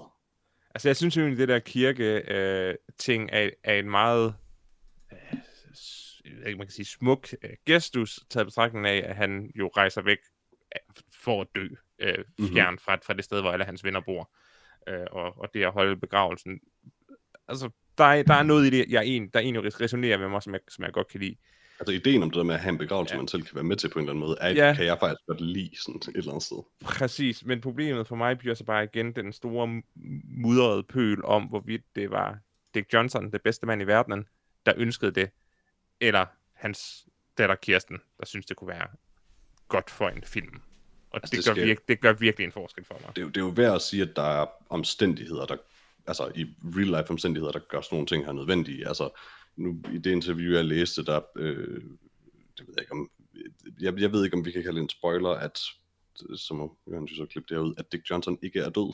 Nej, det, det, det synes jeg, filmen ret øh, tydeligt viser jo. Ja. Øh, nå, men altså, det, er mere, det ved man selvfølgelig ikke, hvis man ikke har set den, men alt andet så det er jo ikke, det, det er jo ikke det, filmen handler om alligevel, at han er død. Filmen handler om, hvad det vil sige at forlige, som er, at han skal dø. Um, det siger hun jo også tydeligt i starten. Uh, men, um, hvad kan man sige, uh, at the time, han kunne ligesom ikke blive der, og hun kunne ikke flytte dertil. Øh, hun har en bror, som man også ser i kirkescenen, og han er åbenbart sådan direktør for Smithsonian Museum, eller sådan et eller andet, som godt ville have taget ham, men det kunne han ikke, fordi han kan ikke være hjemme. Um, nu er han, så end, han endte så der, da øh, corona ligesom brød, og museet var nødt til at lukke åbenbart. Så altså, det, jeg har indtryk af, at hvad kan man sige, at han endte hos hende er dels, altså det har jo selvfølgelig lidt med filmen at gøre, men vildt også, at det var, altså han ville nok ikke, han var ikke, han tog ikke på et hjem endnu, det ville han nok Mm. ikke. Og han ville gerne være hos familie, og det var der, han kunne være. Ja, ja, det, det, det ja, jeg, jeg tror heller ikke, at hun øh, Altså, jeg tror ikke, hun har tvunget ham til har, har i, altså. i scenesat det. Nej, øh, det, det tror jeg heller ikke. Men det er bare, der er bare en, en spørgsmål. Altså, jeg oplever den ikke rigtig som det sted kynisk. Altså, selvfølgelig er der altid en eller anden... Det hun vil, er jo ikke at fortælle historien om, hvordan hendes far dør. Det er at fortælle, at fortælle historien om på en eller anden måde ham og hendes forhold til ham. Um, præsterer og, hende, og hende, der forsøger at forholde sig til, at han skal dø. Det synes jeg, hun gør ret tydeligt. Øh, altså, titlen er, øh, altså, kører jo på hele konceptet med filmen, men, men, men jeg tror bestemt ikke, hun har tænkt, at filmen skulle slutte med, at han dør. Det, det ville være vildt.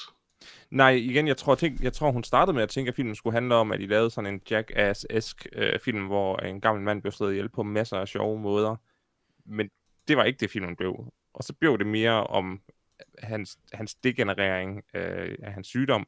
Men det viser filmen heller ikke, så, så det var heller ikke det, den blev. Øh, og, så er der Altså, klippet, altså- og så er der klippet nogle mærkelige scener ind fra en 90'er musikvideo, de kunne have optaget sammen med ham. Øh, Altså, da de, da de beslutter at lave den her film, der, altså, jeg er ret sikker på, at det de beslutter at lave den her film, der ved de godt, Ja, han er det, det er jeg også øh, helt sikker på. Det, at hvad? at, at de laver filmen, fordi han har fået, han har fået diagnosen. Jeg Ja, tror, det er rimelig meget ja, den ja. film, hun gerne Det- vil have, det skal være. Jamen, det, altså det, det, det kan du ikke overbevise mig om, fordi jeg kan ikke, jeg kan ikke se, hvordan nogen kunne sætte sig ned og, og, og skitse denne her film forløb ud og tænke, ja, det er sådan, jeg gerne vil have en film til at se ud. Altså nu har jeg ikke set Camera Person, hendes eneste anden egen dokumentarfilm. Hun er mm. øh, cinematograf for andre dokumentarfilm øh, før det. Um, men som jeg forstår det, så er den i samme stil. Ja, det er den altså, også. det her med, at det er de her øjebliksbilleder krydret med øh, mere sådan artsy ting, hvis man kan kalde det det, det. det er meget det her, hun laver, vil jeg sige. Og jeg synes, altså, Altså mumblecore dokumentar Ja. ja. noget nærmest. og det fungerer rigtig Har vi- godt for er, mig. er, er, er, der nogen, er der nogen, der har set hendes andre ting? Men så har hun en anden, der hedder Camera Person. og Ja, det ikke ved jeg godt, men nogen af jer, Jeg der har set den. Jeg har set Camera Person, ja. Okay. Og det er det samme rodet... Øh, Der er, noget, der er mange af de samme ting i det. Altså, det, det er sådan, hun laver dokumentarfilm, vil jeg sige. Altså, Den jeg, handler også om hende selv. Gør den jeg, ikke? jeg, jo, altså, jeg, jeg, jeg, jeg så ikke den her film i hvert fald og tænkte sådan, at den var super rodet, eller super sådan øh, forfejlet, eller hvad man kan sige, øh, og så må hun få det bedste ud af det. Det var, ikke, det var slet ikke sådan, jeg oplevede den. Jeg oplevede den ved at sådan, altså den har nogle kaotiske elementer, den har nogle øh, sådan out of øh, øh order, øh, out of context, eller out of chronology, eller hvad man kan sige, øh, ting i den. Altså, jeg, jeg, jeg, er ret sikker på, at det her, det var ret meget den film, hun gerne vil lave. Så er der selvfølgelig nogle begrænsninger, så er det jo sådan, altså, men det er jo også en del af den måde, hun laver dokumentarfilm på, at deres, livet er, som livet nu er, og så får hun det ud af det, hun får ud af det. Jeg synes ikke, det er, i hvert fald ikke det indikerer, at hun sådan på et eller andet tidspunkt har været nødt til at sådan lave sådan en total 180 og lave noget fuldstændig andet. Det, det er slet ikke sådan, jeg ser filmen. Altså, der er jo, man kan sige, vi ender jo med, med sådan lidt bag om kameraet scener af mange af de der døds øh, scener, i stedet for reelt set at se dem, og de er en integreret del af filmen. Så jeg Mm. tror, der er nogle ting, der er lavet om, der er nogle ting, som ikke helt er, er enten ikke endt det, hvor hun gerne vil have det, eller så har hun valgt at sige, okay, det er bedre at se det her, vi lavede de her dødsscener, end rent faktisk bare at se dem. Altså det var han at falde ned ad trappen og sådan noget, det, det er allermest bare, at vi ser, hvad der sker, og selvfølgelig den sidste af de der dødsscener, de optager, hvor der, han blodet kommer ud, og han begynder at få det helt vildt dårligt, og sådan noget, og jeg tror, det vil stjæle hans blod, og sådan noget. Øhm, øh, det, det måske jeg, være har. tidspunktet at sige, okay, vi skal måske ikke lave den, hvis øh, han er forvirret over det her koncept. Øh, men ja, det ender med, der, der tror jeg, ideen var, at det skulle være en lidt mere integreret del, de her dødsscener, det er jo lidt mere skulle Mm. mm.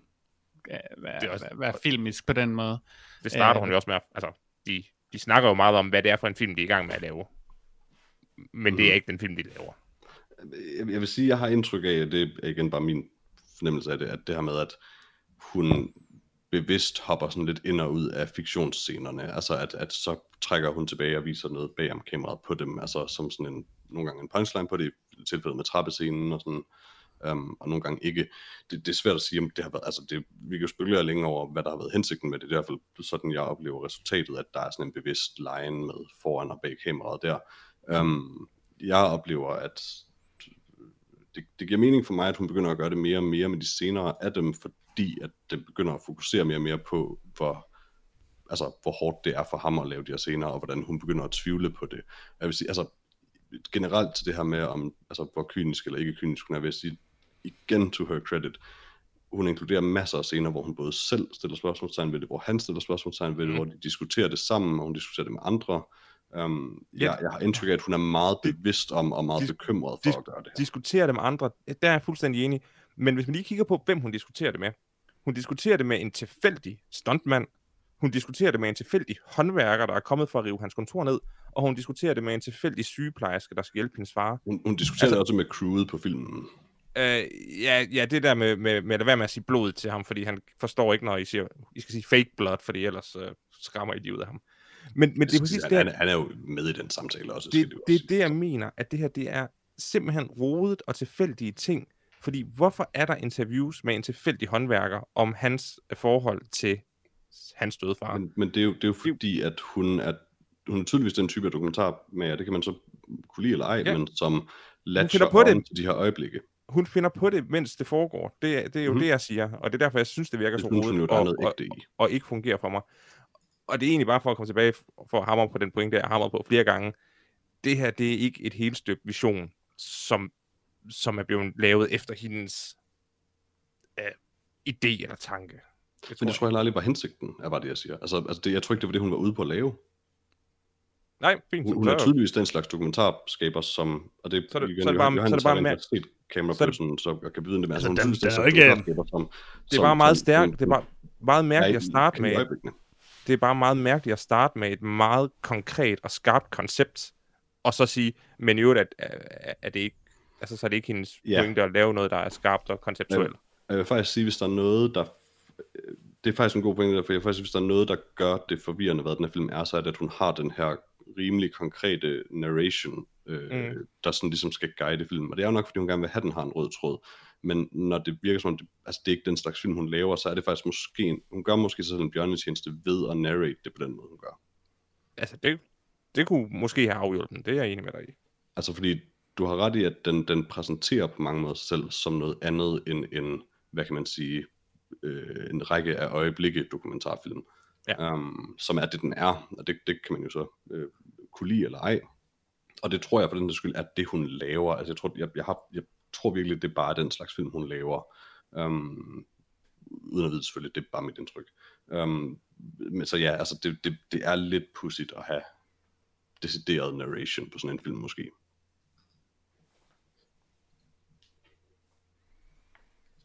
Johannes? Ja, altså... Øh, altså, jeg vil sige, for mig at se, så... Øh, altså, jeg vil sige, den, den, så meget minder den her film nu heller ikke om Camera Person. Øhm, men, men, men jeg synes, at der er nogle ting i det, som gør, at jeg meget tydeligt kan se hendes stil og hendes øh, øh koncept. Og øh, altså for mig, jeg synes, det er svært at sige, jeg ved heller ikke rigtig, om det er en sådan relevant diskussion, om filmen hænger sammen, sådan, eller om hun har tænkt over alting fra starten. Altså, det tror jeg egentlig er lidt irrelevant. Altså, filmen er det, den er, og den er jo også det på grund af, at den, at den rammer alle de her forskellige øh, bump på vejen, og det synes jeg jo tit er nogle af de, Ja, de bedste ting i dokumentarfilm. Ja, jeg, jeg er fuldstændig enig med dig at det, det er bedøvende ligegyldigt, hvad der var hensigten, Ja. øh, i forhold til, om den skulle være struktureret eller ej. Men altså, det er, jo, det er jo værd, og det er jo i virkeligheden også, det, i virkeligheden er det også det, det handler om, at det er jo værd at diskutere, om den som et værk fungerer, som det den er, og det, Ja, det, ja. det har vi tydeligvis forskellige meninger om. Og Ja, ja, altså det synes for- jeg er meget, meget validt at have et problem med en dokumentar, der lader til ikke helt at vide, hvor den gerne vil slutte. Helt sikkert. Og altså, det, det kan jeg godt følge. Det problem har jeg ikke, og jeg synes, at det er... Jeg synes egentlig på mange måder, det er en styrke for filmen, fordi det illustrerer jo også meget godt tematikken på en eller anden måde, at den er, øh, som den er, og den er fragmenteret, og den er for, til dels forvirrende osv. Altså det, mm. Det kan man jo også, også godt se som en, altså sådan et symbol på øh, hele den sygdoms, øh, det sygdoms, Nå, altså, han går igennem osv. Altså, og og det, det, det tror jeg da 100% er bevidst øh, i et eller andet omfang. Jeg tror stadigvæk, at der er nogle ting, der ikke har kunnet lade sig gøre. Om det, om det er bevidst eller. Jo, jo, men altså, det er ligegyldigt, om det er bevidst eller ej, det er det, jeg får ud af filmen. Og i sidste ende, Mm. så tror jeg bare, at den måde, hun laver dokumentarfilm, er en, en, en stil, som jeg bare rigtig godt kan lide. Øhm, det fjerner jo ikke nogen af de ting, som jeg også lægger, øh, eller siger, at der, der er jo nogle sådan øhm, øh, ting i filmen, hvor man må spørge sig selv, om det er etisk forsvarligt osv.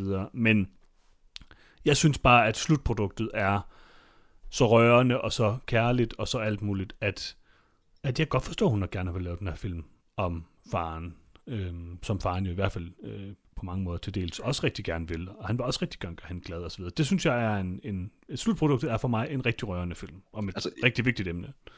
jeg, jeg- jeg, jeg har bestemt heller ikke noget, jeg har ikke noget problem med, at det er den type øh, rode, eller hvad man nu skal kalde det, dokumentar, det er. Det, det kan jeg som sådan også godt lide. Jeg synes, det er en meget valid kritik, hvis man ikke kan lide det. Mm. For jeg tror virkelig, det er sådan en either or med det. Um, det, det der med etikken, det, at grunden til, at det bliver lidt mudret, er det der med, at at what point holder det op med at være særlig validt, om han, hvad han siger om det. Altså forstået på den måde, at hvornår ved han ikke længere, at om han er okay med det eller ej. Altså hvis han ikke kan huske, hvad han har lavet i går, hvordan kan han så egentlig blive ved med at sige, det er i orden, vi fortsætter? Altså det, det synes jeg jo, altså jeg, jeg har indtryk af, at du ved, hun gør, hvad hun kan for at mærke efter, og som sådan synes jeg, at eftersom det er et, et, et kærlighedsbrev og ikke mm. ondsindet, så, og jeg synes, hun gør, sit, altså, hun gør det rigtig fint med ikke at vise ham i nogen utiltalende situationer. Det synes jeg også. Um, altså alle det- elsker er den her mand bagefter, ikke? Altså det er det. Ja, ja, ja, og det synes jeg også, det er meget commendable. Um, men, men, men der er jo helt klart, altså der er en, et spørgsmål, man kan diskutere Ja, ja. Altså, hvad betyder det, at han siger, at det er okay at some point? Um, og så er Absolut. det noget helt andet igen. Altså, det, det er virkelig den, for mig er det, det, er det den eneste ting, jeg har det oprigtigt svært med. Det er det der med, altså, er den her scene med Ray okay? Det, det, I sidste ende mm. tror jeg bare, jeg konkluderer, nej, det synes jeg faktisk overhovedet ikke, den er. Um, det kan godt være, den er enormt effektiv og rørende, men jeg, når, når vi taler om virkelige mennesker, så ved jeg ikke, om jeg synes, det er det værd, at den er det. Mm. Fordi det stad, altså, man har stadig i den grad øh, leget med en mands følelser, og i øvrigt, øh, efter han har gjort det ret tydeligt til synligheden, inden de overhovedet begyndte at filme den her scene, fordi det gør han jo også der, hvor de bare står og leger med kisten, at han er meget utilpas med det her. Har vi mere at sige om uh, Dick Johnson is dead? Nej. Jeg kunne faktisk virkelig godt lide himmelscenerne. De er totalt kiksede, øh, men Det lignede en Nirvana-musikvideo. Der... præcis, og, og, altså, Ja, det gør det Og faktisk. nu, det, det er underligt at sige, men hendes alder skinnede i den grad igennem i den, ja. altså, fordi det, det på en eller anden måde, Mm. mm. på, på nogen måde sådan kamerateknisk sted med dybdefokus og noget meget moderne, men sådan stilmæssigt og tematisk overhovedet ikke. Det har også lidt at gøre med ham, men, men det virker som om det er mere hendes, hvad kan man Mm. sige, Det af visuelle verden, end, end det er hans. Og det er jo også fint, for det er også det er jo hendes fantasi Mm. et eller andet sted. Um, jeg tror, det grund til, at jeg elskede dem, var, at øh, dels synes jeg faktisk, det var lidt sødt, der hvor, øh, hvor de danser. Øh, var god. Det var det, god det scene. fungerede faktisk rigtig godt for mig. Um, og i det hele taget bare hans skuespil, jeg senere var så skønt, fordi han er så dårlig, og det er så sødt. Hans Øhm, lange tunge, der igen og igen skulle slikke på ting. Mm. det var, nej, men også bare sådan hans forundrede udtryk, det der med, at det er Forvirret. fint, at, ja, hvad det så end var, men du ved, når han skulle være sådan, wow, amazed over noget, det er så godt, fordi det er alt for meget, og det, det ja. dur bare ikke at have et slow motion skud af det, fordi det bliver bare ikke bedre, jo længere det fortsætter. Men det er voldsomt endearing på en eller anden måde, um, synes jeg, at se ham i de her scener. Uh, jeg, jeg synes, at han er simpelthen enormt sød, og man må jo også give hende det credit, at at man sidder og synes, at han er ekstremt sød, er fordi hun har lavet den her film om Mm. ham, fordi inden vi så den her film, vidste vi ikke, hvem han var. Præcis, altså, det synes jeg også er en ret væsentlig point, der er med. At, øh, Har du ikke set Ben Yar fra 2011, hvor han er med i? Nå jo, det har jeg da egentlig. Elsker ham i den. Jeg ved ikke rigtig, hvorfor han på IMDb er credited for at være med i en eller anden... Det kan godt være en anden Dick Johnson, måske. Ja, men han, altså, han er på Han IMDb. spiller Arnold. Hvad? Han spiller Arnold i Bente Jar. Han spiller Arnold. Ja, præcis. Jeg tror ikke, det er ham. Nej, det tror jeg heller ikke, for det ligner sådan en eller anden mellemøstlig film. Nu er jeg nødt til at finde den her Dick Johnson, som er med i Bente Jar. Nå, skal vi give uh, Dick Johnson is dead nogle karakterer? Ja. Freja, hvad siger du? Jeg giver den et solid 2 ud af 4. Øhm, som sagt, jeg kan godt lide Dick Johnson. Jeg vil gerne bare se mere af Dick Johnson. Øh, lige snart den ikke handler om Dick Johnson, så, så er jeg bare ikke interesseret. Øh, jeg synes ikke, hendes øh, det der narrativ, der fungerer rundt om, eller der, der agerer rundt om, øh, fungerer. Um, så ja, jeg er enig i, den er rodet. Jeg er ikke så enig i, den er kynisk. Øh, og som alle er enige, at Dick Johnson er herlig. Vi kan alle være enige om, at Dick Johnson er herlig. Øh, Peter? Øhm, altså, jeg kan rigtig godt lide den, som sagt. Jeg, jeg tror måske, jeg havde højere forventninger, trods alt. På trods af, at jeg godt kan lide den er, så havde jeg måske nok højere forventninger til, hvad kan man sige, i hvor høj grad den ville spille på min hjertestrenge. Øh, jeg, jeg var bestemt øh, emotionelt investeret, og, og som sagt øh, rørstrøms til tider, men det lyder også underligt at sige, men, men måske det er, fordi der var andre ting, der sådan lidt trak i nogle andre retninger for mig, mens jeg så den, at det gjorde det lidt svært at vide, hvordan jeg egentlig skulle føle undervejs, så den trækker lidt ned. Øh, men igen, primært på grund af Stakkels, Stakkels Ray, øh, får den øh, 3 ud af 4 i stedet for 4 ud af 4. Lars? Den her dokumentar skal have lige præcis en stjerne, og den ene stjerne, den er udelukkende til Dick Johnson. Uden har, altså, hvis, hvis han ikke havde været så sympatisk, så havde det her været et 0 på trods af Det den er ene en her virkelig underlig film ud af ham. Nej, hvis det havde været en helst anden mand, der ikke var så kær, øh, så øh, fuck den her film. Øh, jeg giver Dick Johnson et stat øh, 4 ud af 4. Det er måske den bedste film i år. Så har vi præsteret at vælge fire forskellige trailers og give fire forskellige karakterer. Mm-hmm. Det er historisk. Skriv det ned, lytter. Perfekte Det er episode, historie. tydeligvis. Så, hvad har vi set Jeg har siden et sidst? spørgsmål, øvrigt, undskyld. Nu, nu nåede jeg det ikke, inden vi kom til karaktererne. Øh, ambulancescenen er fake, ikke? Ja, for han er ikke død, jo. Derfor kan han godt få et hjerte Jeg til har fået et hjertestop igen. Men er vi ikke enige om, den er fake? Men du det bliver er med at sige, at hans hjerte er stoppet, og det ikke starter igen, så jeg ved ikke... Altså, øh, ja, men du ved, scenen slutter heller ikke med, at de siger, fuck, han er død. Så altså, der kan jo sagtens være, at de cutter, og Det så, lyder ah, okay, nu er hans hjerte i gang igen. Øh, Jeg ved det ikke, jeg ved det ikke, Peter. Altså, jeg håber, det er fake, fordi det er så sindssygt kynisk, hvis hun har taget, altså gået i gang med at filme, øh, mens sin far Ved du, det, det, det, vil jeg, det vil jeg faktisk næsten... Jeg synes faktisk, jeg ville faktisk have det mere underligt med det, hvis det var fake et eller andet sted. Okay, så vi er bare enige om, det er problematisk. Fordi, altså, Så at, i hvert fald på et på det. tidspunkt før, altså, det, det, det kan godt være, det bliver svært på et tidspunkt at vurdere, hvornår han siger ja eller nej til ting. Jeg er ret sikker på, at der har været, der må næsten have været et tidspunkt tidligt i det her, hvor han har sagt, at du ved, film det, der skal filmes. Altså, han behøver, han behøver jo ikke være med i den scene. Altså, så, Jeg synes også det. ja, så, så der er ikke noget problem i fake Det kunne være Og, Ray, der lå i ambulancen. Altså. jeg, jeg tror ikke, jeg, Så du tror, Ray er død? Nå ja, og filmen har lige sådan en Det kan være, surprise Han blev dødsfald. hentet med ambulance efter det der tortur, de laver på ham. Med hende der den kære kagemor, der laver kager, som, som, går, som går hen og dør. Det var det. Det var også vildt øvrigt. Altså, det er faktisk ikke skidt. Det synes jeg faktisk var et ret, et, et ret fint og sådan lidt tungt øjeblik. Øh, det Nej, der jeg med, synes, det, at jeg, man så ser hende den rodet. kage og sådan noget, og så pludselig bare den, hun er død. Sådan, wow. Ja. det er så rodet at putte det ind der, i stedet for som sædvanligt at, at lægge det bagefter og vise et billede af hende og sige loving memory.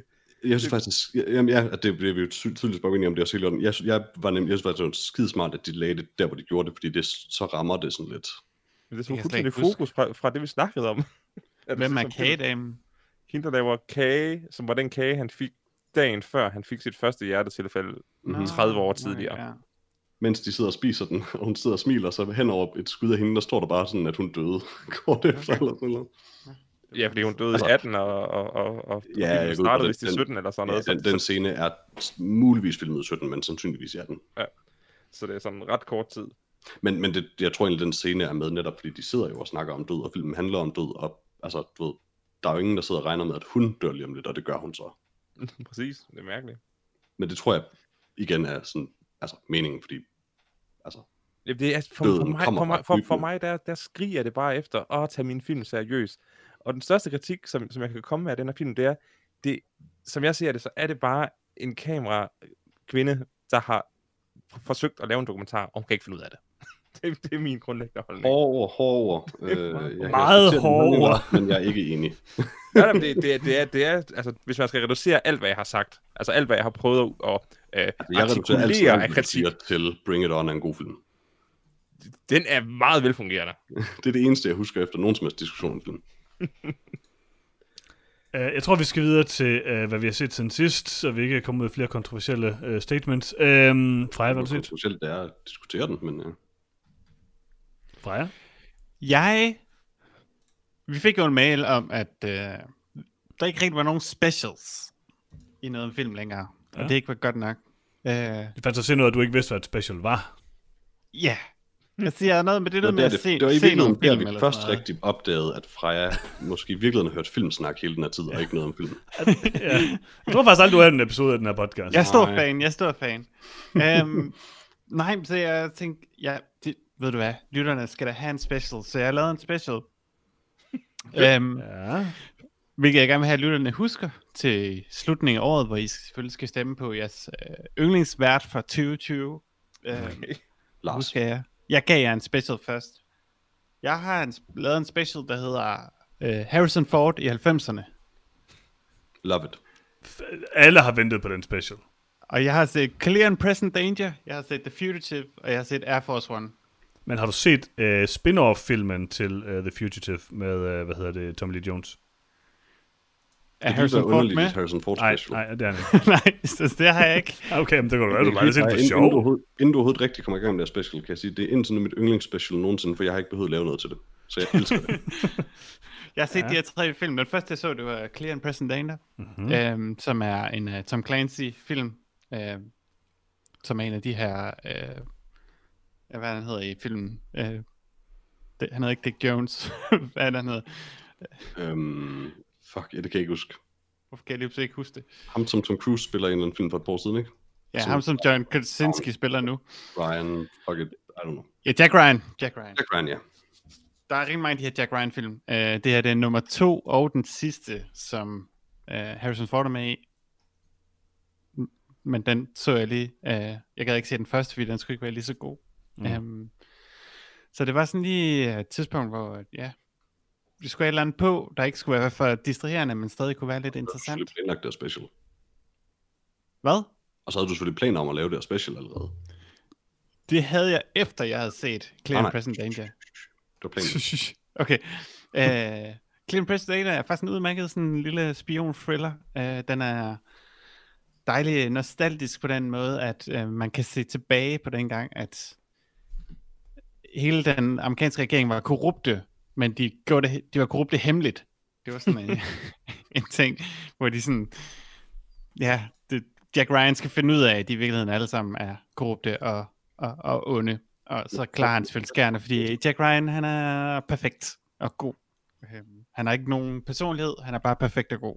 Og der er ikke, han, vil, han vil aldrig nogensinde uh, være korrupt eller gøre noget dårligt, og lige meget hvad der sker, så gør han det bedste, selvom det er farligt osv. Uh, men sådan en, en udmærket uh, actionfilm. Jamal Jones er også med. Der var virkelig en periode i 90'erne, hvor alle film med Harrison Ford på coveret bare sådan er et billede af Harrison Ford, der kigger ind i kameraet på den samme måde. Clear and Present er Danger. Jeg troede, det var Air Force One, fordi Air Force One coveret er identisk. det er præcis det samme. Den Det er mega godt. Alle de her 90 Harrison Ford film er fantastiske. Det er, altså, hvis, hvis, hvis man er vokset op med det, så, så er det bare ekstremt øh, nostalgisk. Øh, fordi han er bare, han spiller altid den her perfekte mand, som ikke har nogen fejl, og som er meget klog. Sådan meget klogere end alle andre. Det, hvilket ikke, de ikke bare viser, men alle folk i filmen altid siger. Øh, især den næste film, jeg så, The Fugitive, der, Tom Lee Jones jagter jo øh, øh, Harrison Ford i den film, fordi Harrison Ford er beskyldt for at slå sin kone ihjel. Men som Harrison Ford siger, det er, it's a one-armed man. He had a mechanical arm. Og det er sådan, det, det er konceptet i filmen. Konceptet er, at det er hans Ja. kone, der slår ihjel, men, men er en mand med en, en arm. Øh, det er sådan 90'erne var. Øh, det var nok til at have et koncept. det, det er ret fedt. Bare Harrison Ford Øh. kigger vredt ind i kameraet, så er det fint. Den er bare, man bare antager, at det var ham, der gjorde det, og det er lige meget, hvad han siger. De efterforsker det ikke. Det er bare sådan, hold nu kæft, Harrison, du gjorde det. Det, han, han gjorde det. Men selvfølgelig alle dem, der kender ham, de tror ikke på det, og de vil alle sammen hjælpe ham, og de siger, de fortæller til politiet, at de har hjulpet ham, og de fortæller altid, ah, han er, han er så klog, I fanger ham aldrig. Hvilket var al spænding ud. Det er bare at sige, ah, Harrison Ford, den her film, han er perfekt, han er meget klogere end politiet, de fanger ham aldrig. Så endnu en fantastisk film. K-19 The Widowmaker har præcis det samme cover som alle de andre. Det er til at Øh. sige, at medmindre alle de andre har Harrison Ford øh, sådan, øh, pakket ind i et amerikansk flag, så er de ikke lige så gode som Clear and Present Danger. Selv Crossing Over fra 2009 har ikke det samme cover, men har stadigvæk Harrison Ford, der kigger på samme måde ind i kameraet. altså, Harrison Ford har også et godt blik, jo. Så det. Det har. Og så har Harrison- Extraordinary Measures fra 2010 har præcis det samme blik. Jeg fatter ikke... Har, ja, okay, Harrison Ford kan ikke spille skuespil. Det er konklusionen. Som sagt, så er det her den perfekte special. Um, ja. The Future er nok den bedste af de tre film, jeg så. Det er, det er den, jeg vil sige, det er, det er den 4 ud af en 4. Det er, det er den ældste af de her film også, men den er sådan, det er sådan en god, rigtig god thriller. Uh, det vil jeg anbefale, hvis man ikke har set The Future endnu. Det er en klassisk. Den er rimelig god, den er rimelig god. Jeg mindes også, Øh. at den har nogle af de bedste Harrison Ford peger på folk scener. Harrison Ford, han peger rigtig meget. Og hvis han også lige kan svinge fingeren lidt, sådan, det er ikke bare en statisk finger, men ulovligt. han lige, han, der kommer lige lidt finger action, så, så er det Ja. en ekstra god film. Hvis der er noget, Harrison Ford er god til, så er det finger action. det er det. Altså, det kan man ikke Ja. tage fra ham. Uh, og så så er selvfølgelig også Air Force One, som nok er, jeg ved ikke om det er den, det var i hvert fald engang hans mest kendte 90'er film. Uh, jeg ved ikke om det Fugitive sådan, Åh, oh, det tror jeg da. i folk, folke, folkemunde er, er, er mere kendt nu uh, end Air Force One. Jeg vil faktisk måske gå så langt til at sige, til at sige at The Fugitive også at The Time var den mest øh, berømmede af hans 90 film, simpelthen fordi at de to er det den eneste, der er blevet refereret til i Simpsons, og det tager jeg som en kulturel milestone. For. Okay. Uh, men Air Force One, den, det, det er også sådan lidt en spectacle-film. Det er sådan lidt, mm. prøv at se det Air Force One, vi er inde i Air Force One og sådan noget. Uh, lidt ligesom Gladiator ikke er en særlig imponerende film nu, men da den kom ud, så fik den bare kastet Oscars efter sig. Men den er så grim fra jer. Ja, Air Force One, eller er det Gladiator? Gladiator har nogle chokerende grimme color grading scener. Ja, det er Mm. helt vildt. Uh, men ja, altså jeg havde, det meget, jeg havde den her på VHS, um, Air Force One, og så den utrolig mange gange, da jeg var lille, og jeg havde sådan lidt bagtanken, at det her, det vil helt sikkert være Gary Oldmans dårligste præstation. Jeg havde sådan lidt, at det var lidt for overspillet, men da jeg så den igen, så Gary Oldman er faktisk overraskende god i Air Force One også. Um, som den her Gary Oldman er altid god. Det er det, jeg siger. Jamen, det er det. Jeg havde tænkt, ah, 97, han spiller sådan lidt en karikeret terrorist. Men han, han, han leverer virkelig øh, og giver noget til den her film. Øh, selvom det måske stadig er hans dårligste rolle. Bare fordi, at det er så, så, så man siger, en endimensionel rolle. Men ja, jeg får er sgu meget hyggelig. Øh, Det er ikke nogen con ja. det er ikke nogen Conair, på trods af, at det er næsten 100% af den samme film. Øh, jeg ved ikke, kom det ud i samme år egentlig? Conair, den er ikke fra 97 også? Nej, den er fra 98, tror jeg. Nå, okay. Hver gang jeg kommer til at tænke på Air Force One, så er, jeg tror den første tanke er, åh, Air Force One er god. Den anden tanke er, jeg vil hellere se Con Air. Con Air er fra 97, det er den samme film. Men Con Air har et bedre cover på det CD cover. Eller en plakat. er bestemt en dårligere film. Jeg men elsker øh, Con Air. et eller andet ved den. Der er et eller andet ved den. Hvis du nu tog flyet ud i Conair-plakaten og bare putte Harrison Fords ansigt ind og stirrede kameraet, så er det nok Er det, lidt ikke, bedre. er det ikke det, det er? altså, jeg vil sige, Con Air, plakaten til Con Air opsummerer for mig, hvorfor 90'erne bare var den ultimative tidsalder. Oh, det var så godt. Alt var godt i 90'erne. Vi Ja, tænkte lidt anderledes om tingene. Jeg forsvandt jo også skudt i det der underlige øh, sådan 8 års tidspunkt, hvor vi var mellem første og anden kolde krig med Rusland. så det er sådan lidt, ja, vi er Ruslands ven, og præsidenten af Rusland og præsidenten af Amerika, de elsker hinanden, og Det, vil- det vil jo også fungere i dag. Ruslands præsident øh, releaser den her øh, general, som har været ved at overtage og genskabe Sovjetunionen og det hele sådan, ah, men hvis præsidenten af USA beder mig om det, så gør jeg det. Lige meget, hvad konsekvenserne er. Okay. Men jeg, Jeg er nede i det underligste, dybe hul. Ap- Apropos det med film og præsidenter, det har altid været sådan en dejlig ting, at når der kommer en ny præsident til, så kan man sidde der sådan, åh, hvad gør de så? i-" Altså, nu kommer der sådan en ny æra af præsidenter i underlige terrorfilm eller rumvæsenfilm. Jeg føler, vi er blevet snydt med Trump. Altså, på alle, på alle måder selvfølgelig, men Jeg tror, er der overhovedet præsidenter i film længere? I amerikansk film? og når der er, så er det sådan stadig Obama nærmest, altså, eller bare sådan en eller anden generisk præsident. Um, det er bare, der har været så, altså, det, det, det, er så trist, at Donald Trump er præsident i USA. Kan vi ikke i det mindste bare have sådan en Con Air-film eller sådan noget med en Donald Trump-agtig karakter? Come on. Hvor man hæpper på, at flyet styrter ned, eller hvad? Men bare sådan en, du ved, sådan en, en hilarious, uh, goofy præsident, der sådan vælter og taber bukserne hele tiden. Altså, hvis de genskød Air Force One med, bare med Trump i stedet for, så ville jeg være totalt on board. Det skulle stadig være Harrison Ford, der spillede ham. Nej, vent, Gary Oldman spiller Trump. uh, Mm, det, det kunne, altså han spillede jo uh, uh, Churchill rimelig godt, så jeg tror godt, han kunne spille uh, Trump. Nærmest samme rolle. Hvordan får vi det til at ske? Uh, fedt special fra jer, det må jeg sige. Um, Det var så lidt, uh, husk til uh, stem på mig til året til vært uh, 2020. Ja, okay, okay, okay. Jeg gav en special først. Peter, hvad har du set? Og er det anime? Altså, jeg har set Muldvarpen.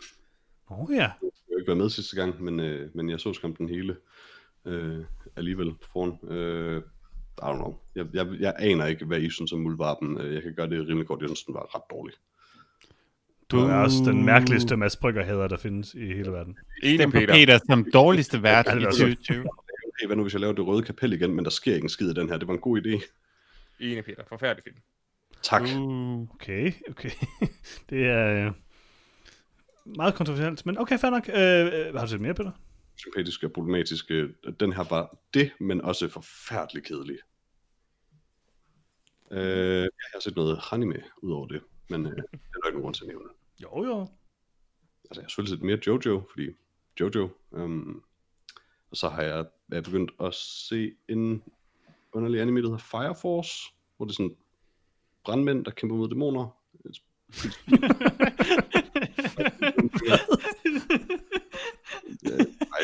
Det er der et stotter. Sweet brandmænd, der kan møde dæmoner. Det er cool. Hvad hedder den, hvad hedder den, Peter? Siges, uh, Fire Force. Det skal sige, de er brandmænd i den forstand, at de har brandmandstøj på, men de laver ild. De laver ild. Ja. Hvorfor? Fordi det er sådan, man kan, kan møde dæmoner, som jo også laver ild. Så hvad har det med brandmænd ild at med gøre? ild. De har brandmandsuniformer på. Johannes, det er en reference til Fahrenheit 421, ikke? At uh, det er firemen. Mm. Det er folk, der sætter ild til ting, ikke? Som altid forstår Lars det. Spiller de på noget tidspunkt Feuerfrei med Rammstein? Mm, nej. Out. Ikke. Vækst er stadigvæk den eneste film, der har præsteret at nå de højder. Det var så rimelig godt. det var simpelthen så godt. Jeg sad i et telt på Roskilde og så det. Jeg var 100% hugt. Fire Force er en meget fjollet anime. Øh, den, er, den er ganske underholdende. Øh, men øh, ja. Er der nogen, der er nøgne i den, Peter? Eller tæt på nøgne? Ja. Okay. Er nogen af dem, der er børn? Nej. Okay, det er en af de sjældne, Ah, en af de ja. sjældne animerer. Om de er aldrig nøgne, når det er børn, så er det bare sådan, du ved, suggested. Og det, det, det er meget værre. Så her er de, altså, Altså, Sailor Moon er nøgen, og hun er, jeg mener, uh, canon alder er 15. jeg har ikke set Sailor Moon. Hvorfor har du ikke set Sailor Moon? Sailor Moon er pisse godt. Han er De bange Sailor Moon. Er der cursory glance, kan jeg godt se, at Sailor Moon er klamt. Jamen, Jeg så, jeg så det, da jeg var barn, så det er okay. Jeg vil gerne lige pointere, at jeg har ikke set Sailor Moon, siden jeg var 13. Og du har ikke et toiletsæde, som falder ned, når det ikke skal. Nej, men jeg har hørt om det. Det der underlige seksualisering og sådan noget i... Jeg har også hørt om en, en 35-årig mand, der stadigvæk ser Sailor Moon. Det synes jeg er rimelig klamt. Øh, og han hedder Bars. Han hedder Laszlo. det, der, det der seksualisering af, af, af folk i anime, det, det, det er weird. Og den er ikke... Altså, den her serie er ikke den værste til det i den forstand, at der er ingen, der er børn, og Det er jo et skridt frem. sådan 99% of the time, så, er det- så er det der overhovedet ikke, and then suddenly it's very much there i sådan et øjeblik, og så fortsætter serien. Det er vildt stenet. Øh, sådan det, det, altså, det er det bedste eksempel på, at der, det, det kunne så let cuttes ud, og der er ingen grund til, det er der. Um, men det mindste er det heller ikke sådan hugely offensive, sammenlignet med så mange andre af dem. I don't know. Det er sådan lidt par for the course med de her, underligt nok med de her animer, som mest af alt er beregnet til børn, såsom Naruto og Dragon Ball og sådan noget, at det er faktisk tit der, hvor sådan noget er værst. Um, mens de sådan lidt mere gennemtænkte af dem, og mere sådan, dem der tager sig selv lidt mere seriøst som et egentligt værk, er som oftest mere sådan frit for det. Sweet. Ja. Skal du se det fra jer? Øh, tror jeg nok, jeg skal. Du kan lave en uh, anime special til næste gang. Altså, jeg, Han med dæmoner med ild. det, det lyder rigtig godt, men personligt så er jeg jo bare mest til FMV uh, DVD-spil. Uh, Det kan jeg heller Altså, ikke. ser meget frem til at, at spille noget mere af dem. Og hvor meget mere FMV-spil har du spillet, Lars, siden sidst? Øh, siden sidst har jeg spillet øh, 0 FMV-spil. Jeg har bare kørt lastbil. Nej, du har ikke set nogen ting? Øh, nej, jeg, jeg, jeg, jeg er gået i gang med at se uh, The Grand Tour uh, Mens du, Amazon Prime. Uh, det fik jeg aldrig set efter, at uh, uh, Top Gear blev cancelled, fordi det var for problematisk. Jeg kan efter at have set første halvdel af første sæson sige, at The Grand Tour er problematisk på rigtig mange måder. Uh, det er faktisk ret modbydeligt at se på. Uh, det, det er utroligt at tænke, at noget kan blive datet på så kort tid. Undskyld, er det, en, er det en anime-serie, eller hvad? Nej, det er det ikke engang. Det er bare... jeg kan godt lide den, den, øh, den meget Uh, flinke... Jeremy Clarkson er et barn i uh, Grand Tour. Jeg kan godt lide den her, den her version af historien, hvor det er sådan, at, at Top Gear bliver cancelled, fordi det er problematisk, i stedet for Top Gear bliver cancelled, fordi Jimmy Clarkson, Clarkson blev fyret for at tæske en medarbejder. Nej, nej, det var, ikke, det var ikke det, jeg sagde. Altså, Top Gear var ikke problematisk. Der var, det var kun Clarkson, Det var bare der var problematisk. Ja, han var et kæmpe svin, og han blev fyret med rette. Så går han over på The Grand Tour, og deres mål med showet er bare at være politisk ukorrekt. Og det er som om, at et, altså noget, der er optaget i 16 og... s- Hvad siger du? Det er den eneste grund til, man hyrer Jeremy Clarkson. fra. Men det er bare som om, at, at det der øh, antipolitisk korrekte øh, bevægelse, som, som, som det er en del af, øh, fra optaget fra 16 til, til 19, ikke? Det, det, det er bare allerede rigtig svært at se. Fordi det er bare så pisse irriterende at kigge på folk, der blive ved med at stå og brøle, at ah, der er ikke noget problem, folk skal holde op med at tage det så seriøst. Og sådan, verden er i hvert fald fra hinanden, der var et problem. Det er også underligt, at, I mean, even at the time, der var det allerede for sent. Altså, Ja, ja, men det var, det var den der reaktionære, øh, åh, det skal også, hvorfor skal alting være så politisk korrekt? Man må ikke engang noget længere, sådan, Jeg må ikke engang tæske folk, der arbejder på ens tv-program længere. nej, øh, Arbejder på tv-programmet. Hvad er det, de gør? Jamen, jeg- jeg- jeg- jeg-. Jeg har lige set et episode, hvor de skal veje en bil. Uh-oh, Øh. det må man altså ikke i dag. Ikke i 2020. Så, Fat shaming. så først så prøver de at slæbe øh, kameler og køer og geder og høns op på en vægt for at veje bilen. Det er jo ikke biler. Og det- Bilen. Jamen, men hvorfor var det ikke bare bilen?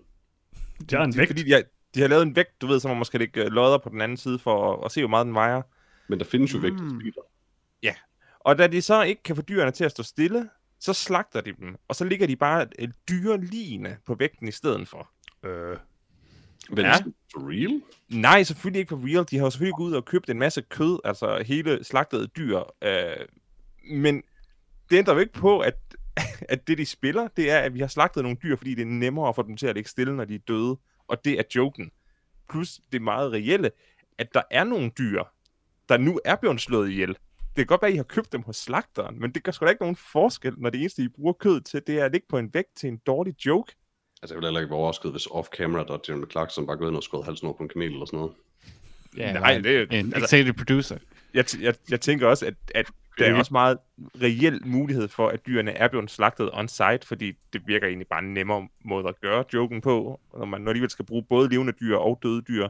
Hvorfor ikke, hvorfor ikke så bare hyre en slagter til at, at lave et lille garderobeskift, som man siger Jeg håber, i, i teaterindustrien. Dyrene, som de brugte, da de var levende, i stedet for det, man plejer at gøre, som er ligesom at lege dem. Nå, men nej, og, og det er jo kun for at chokere. Det er jo kun for at stikke en finger øh, øh, øh, i ansigtet af folk, der måske mener, at man skal spise lidt mindre kød, og måske skal tænke lidt mere på dyrevelfærd. Uh, I samme episode, der spiller de Battleship, hvor de knuser biler med biler med sprængstof, sådan at der til sidst bare er øh, 20 brændende biler på en, en, en landingsbane. Og der er sådan super sort røg, der bare, altså, man kan ikke se himlen for det sorte røg, de har skabt. Og det er også sådan, hvorfor, hvis I bare havde været med at sætte ild til bilerne og sprunget dem i luften, så havde det stadig været en sjov joke. Men nej, der skal også masser af sort røg for at vise, at I bare har brændt 20 biler. Det er vildt problematisk. Jeg hader det, men jeg fortsætter med at se det, så jeg kan rapportere næste gang om, hvor ubehageligt det får mig til at føle mig. Men hvorfor skulle de veje en bil? Fordi de det er jo klassisk Top Gear. Hvorfor en af vores biler vejer mest? Men hvorfor brugte de ikke bare en vægt? Fordi de var i Marokko, og de vil også gerne sige, at fremmede folk er nogle primitive øh, røvhuller, der ikke har vægte. Mm. Det var så også den racistiske del. Den, den vil jeg så ikke grave i, fordi... Måske skulle du bare lade være, være, være så følsom, Lars. Man lige tage det sammen. Præcis, det er ikke så slemt, som folk Aldrig siger. det anime i hvert fald. Altså det, jeg har hørt om The Grand Tour, det er bare, at det ikke er særlig godt. Øh, jeg tror ikke helt, jeg ved, hvad det er stadigvæk. Det er bare Top Gear. Det er bare 100% Jeg Top er Gear. helt sikker på, at jeg ved, hvad Top Gear er. Men okay, det er noget med biler. Okay. fint, fint. Så har jeg ikke mere at sige. Uh, Johannes, hvad har du set siden sidst? Uh, jeg har ikke set noget. Okay. Så... Så var, var det herligt? Ja, så kan vi komme hurtigt. Jeg har ikke fået aftensmad nu, så... Okay, så. fair nok. Hey. bare rolig, Lars. Jeg har set mere. Okay, godt nok. Godt nok. Freja, lad os få et nyt maraton her. En ny special. jeg har lavet en uh, special, der hedder uh, Bench en hel tv-serie uh, oh, nej. på to dage. Jeg har set The Boys. Jeg fortæl mig lige, hvad det er, for jeg har set en masse, sådan, at nogen taler om det, men jeg ved ikke, hvad det er. The Boys er en superhelte tv-serie, Out. hvor der vil jeg normalt også være out, ikke? Men så hørt nok gode ting til at komme ind i det. Uh, Carl Urban er med. Out! Carl Urban spiller en karikeret version af Wolverine. Out! Men han er ikke nogen super, han er ikke en person med superkraft, han er en af dem uden superkræfter. Nu Og er han det er brite. min idé, jo. Han, er- han er stærk, stærk britte. Out. Øh, men Og han hedder Billy the Butcher. Billy Out. the Butcher. 100 procent Øh, out men det, The Boys handler om, det er sådan, okay, hvad nu hvis superhelte fandtes, men de arbejdede alle sammen for den her amerikanske korporation, og de var alle sammen psykopater.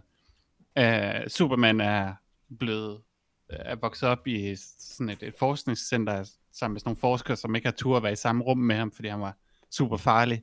Og derfor er han vokset op med sådan alle issues, man kan have overhovedet. Er han egentlig øvrigt rapidly aged i serien, som han er i tegneserien nemlig? Uh, rapidly aged. Altså han, i tegneserien er han sådan vidderligt 15 eller sådan et eller andet. Spoilers. Øh, det har de ikke nævnt. Det er sådan Så en det- del af det nemlig. Okay, det, det tror jeg ikke, de har nævnt. Uh, så det tror jeg ikke, de bruger det koncept umiddelbart. Er, at han blev, blev voksen hurtigt. Måske. Jeg har ikke hørt den nævnte. Um, men det er i hvert fald en, en rigtig fed serie, der, der handler lidt om, at, hvordan at de her superhelte, de sådan bliver tilbedt, de har deres eget cinematic universe, samtidig med de rigtige superhelte og sådan noget. Og det hele er bare sådan en pengemaskine. Og, og vores hovedperson, øh, kæreste, bliver så slået ihjel øh, ved et, man kan sige, et uheld ved en af de her superhelte, og så tilbød de ham bare lidt penge og i reelt set øh, undskyldning. Og det er sådan der, det går ud fra, at ja, de her, den her gruppe af almindelige mennesker vil have skovlen under de her superhelte nu, fordi de er i virkeligheden alle sammen forfærdelige. øh, og er måske i virkeligheden øh, skurke mere end de er helte. Og ja, den er meget brutal. Den er meget øh, ja, grim. øh, ikke at den er, ikke er skudt godt, men alting ser bare sådan klamt ud. Alle folk er klamme. Folk, de, Lidt grim. den, øh, de er super, nogle superhelte er bare sådan lidt, øh, presser folk til at have øh, sex med dem. Øh, det er så meget øh, op i tiderne, den tager alle de her ting, og sådan lidt øh, sådan maga-kultur og sådan noget. Øh, der er en superhelt, der hedder Stormfront. Øh, det er Hmm. ikke kun, fordi hun øh, skyder lyn og sådan noget, fordi at hun måske øh, ja, der er noget andet, øh, en hjemmeside, der hedder Stormfront engang, øh, som var sådan lidt øh, højorienteret. Øh, øh, jeg ved ikke, om jeg har hørt om nazisterne. Nej. Ah, Øh, nej, ikke rigtigt. men ja, den, øh, den, den leger med alle de her øh, moderne koncepter, og samtidig med, at den har et par karakterer, der bare sådan er gode mennesker, og er sådan lidt håbefulde. Så på en eller anden måde, jeg er normalt ikke til sådan en specielt deprimerende tv-serie, men den her, den var alligevel sådan lidt underlig håbefuld på en eller anden måde. Øh, samtidig med, at den, ja, den er sjov, og ja, så er det bare et rigtig godt koncept. Øh, jeg har, gider jeg normalt ikke se superhelte-serier, men den her, den er interessant nok. Den gør nogle andre ting. Øh, og jeg synes, Carl Urban er god i den, selvom han er sådan en, en karikatur af en karikatur nærmest. Øh, så, så er- giver serien over tid nogle grunde til, at han er, som han er. Og sådan noget. Han Så ser, jeg jeg, vil... jeg kan ikke ja. lide hans farvede hår og skæg i den. At hvad? Jeg kan ikke lide hans farvede hår og skæg i den. Er det farvet? Det, det, ser, det ser i hvert fald bare ud, som om det ikke burde være så sort. Jeg ved ikke, det ser underligt ud. Det Um, kommer. jeg, ved, øh, jeg har, jeg har øh, egentlig siden The Voice, øh, siden Voice, The Voice startede, øh, haft lyst til at se det, men har aldrig gjort det også. Altså Amazon Prime, der, jeg, jeg tog mig bare lidt sammen til det. Um, jeg har også, det er også min forståelse, at tv-serien faktisk er markant bedre end øh, tegneserien, fordi tegneserien er way too much. Way too much. Um, og det smarteste, jeg kan forstå, de har gjort i den her serie, er, tv-serie, er at tone det rigtig, rigtig, rigtig meget ned. Okay. Ja, Ja. Jeg ved ikke noget om tegneserien, så... Altså bare sige. sådan et casual eksempel er, da Homelander vidderligt spiser en levende baby. Just cause. Okay. Det har han ikke gjort i tv-serien endnu. Ja, og de, altså, de har skrevet ham om fornuftigt nok, fordi altså, tegneserien er dårlig. Øh, Den, den er, I guess, lidt sjov i den forstand, at det er sådan lidt, om, hvad hvis vi lavede Watchmen, men meget mere edgy. Um, men den, den, den er, det er alt for meget. Det er som om, den er skrevet af en 12-årig halvdelen tiden. Uh, og det er sådan way, way, way too far. Uh, men jeg har nemlig også indtryk af, at, at specifikt Homelander især er forbedret gevaldigt i uh, tv-serien. Ja, Homelander er en helt vildt god karakter, og Præcis. sådan ufattelig, ufattelig skræmmende. Bare sådan, Barely en karakter overhovedet i tegneserien. ja, ja. Det er bare sådan, et, du har en person i tv-serien, som selv alle de andre mega magtfulde eller, eller kraftfulde superhelte, og så er jeg helt vildt bange for. Øh, Mm-hmm. Og det, det hele den der øh, magtdynamik, øh, ja, det er jo nærmest øh, det meste af seriens fokus, øh, og det fungerer helt vildt godt, fordi Mm-hmm. den handler jo i virkeligheden ikke så meget om superhelte. Øh, den handler om alt andet, der bare bliver, øh, man kan sige, opsat igennem den her, de her superhelte. Ja. Så Jeg vil helt klart anbefale The Boys. Øh, bedst tv-serie, jeg har set i år. Jeg tænker også, at jeg skal tage mig sammen og få den set, nu vores sæson 2 er færdig. Jeg må sige, out. Du er totalt en. Det er, at jeg ikke nu. Butcher. Bella the Butcher. Oh, I'm from England. Jeg stod, hvordan Watchmen er sådan en lille smule sådan, du ved, subtle og intelligent nogle gange. Mm. Det er det her ikke. Præcis. Kan du ikke lide det? Øh, det ved jeg ikke. Også kappe er det amerikanske flag. Ja. Øhm, out. Øh, er der nogen, der har set noget mere? Nej. Lars? Nej, det har jeg ikke. Hvordan er det gået med fragt-situationen? Fint, fint, fint. Har du tjent nogle penge? Ja, masser. Og har betalt din gæld af? Nej. You got to spend money to make money. Skal du lige så mange penge, du overhovedet kan i det spil, Johannes? Men Lars kører du lastbil lige nu. Ja. Oh. Nice. Ja. Hvor er du hen? Esbjerg. Nå, cool. Fedt. Øh, jamen, jeg tror, det var... Øh, det var nok sikkert det for, for øh, det, vi har set den sidst. Så skal vi ikke bare hoppe til, øh, Peter, dit yndlingssegment, nemlig Nyt i Nyt. Nyt i nyt. Tak for det. Og øh, der er jo forskellige ting, øh, man kan se, hvis man har lyst til det. Øh, hvis man nu for eksempel kigger i biografen, så er der ikke så meget. Man kan se den nye øh, Jørgen Let-film, øh, I Walk, som øh, er beskrevet som Jørgen Lets filmiske testamente. Øh, man kan se øh, Madklubben øh, med undertitlen Det er aldrig for sent at leve. Det er selvfølgelig rigtigt. Et eller andet sted. Øh, det er rigtigt. Så er det, så er det for sent. Og så kan man se Den Sorte Jord, en skæbnesvanger afsløring. Øhm, må indrømme, jeg ved ikke noget om de her film overhovedet. Ved I noget om det? Nej. Okay, interessant. Øhm, på Netflix til gengæld, der kan man se øh, Lars' øh, så vidt jeg husker, yndlingsgyser ting, den der Rebecca, øh, vi så en trailer til. Øhm, store, flotte øh, rum med dyre møbler og et eller andet gyserhalløj. Jeg kan overhovedet ikke huske den. Nå, Var det, den med, var det den med blomsterne? Øh, ja. Nej, ja. altså det er ikke den med de der giftige blomster, hvis det er det, du Nå. tænker på. Nej, Så er jeg faktisk fuldstændig blank på, hvad det er, Okay, okay, okay. okay. snakker om. Fair nok. Jeg, jeg tror ikke, jeg kan flare den bedre. Øhm, Peter, der er også noget for dig på Netflix. Mm-hmm, mm-hmm. Der er nemlig Holmes and Watson. Oh, love it. Love it. Tiden er til at gense den, tænker jeg. Absolut ikke. Men øh, jeg kan godt lide at tænke på at gense den, og så lade være. Det er meget nemt, vil jeg sige. Øhm, og så øh, var det faktisk det for, øh, for Netflix den her gang. Der er ikke så meget øh, nyt og spændende, i hvert fald ikke, hvad jeg har fundet. Har I fundet noget? Altså, Dick Johnson er vel teknisk set også lidt ny. Dick Johnson is dead. Ja, han kom vist for uger siden. Det er rigtigt. Dick, Dick Johnson is dead, kan man se. Øhm, til leje og køb, der er der heller ikke så forsvandt. Der sker egentlig ikke så meget øh, lige nu. Men jeg ved, man kan øh, lege og købe, øh, hvad hedder det, um, You Should Have Left, som er den her gyser med Kevin Bacon, som jeg er ret interesseret i at se. Øh, jeg tror, I så en trailer til den på et tidspunkt. Nej, det er den der, hvor huset er en lille smule større uden Ja, lige præcis. eller inde i en der udenfor. Ja, Sådan noget. en lille smule, en lille smule. det var en vildt god trailer. Altså, jeg har jo, øh, jeg har jo set læst bogen, så... Ja, ja, så det giver mening, at huset er en lille smule større indvendigt, og det er i orden. Det sker der ikke noget ved. Altså, det vil jeg da ikke afsløre her. Det må man se filmen på at finde ud af. Ja. Og jeg tror, det var det, vi havde valgt at bringe i øh, Nyt i Nyt. Peter, Nyt i nyt. tak for det. Øhm, og lige her til sidst, så har vi jo, som øh, jeg lovede, et par spørgsmål fra vores kære lyttere.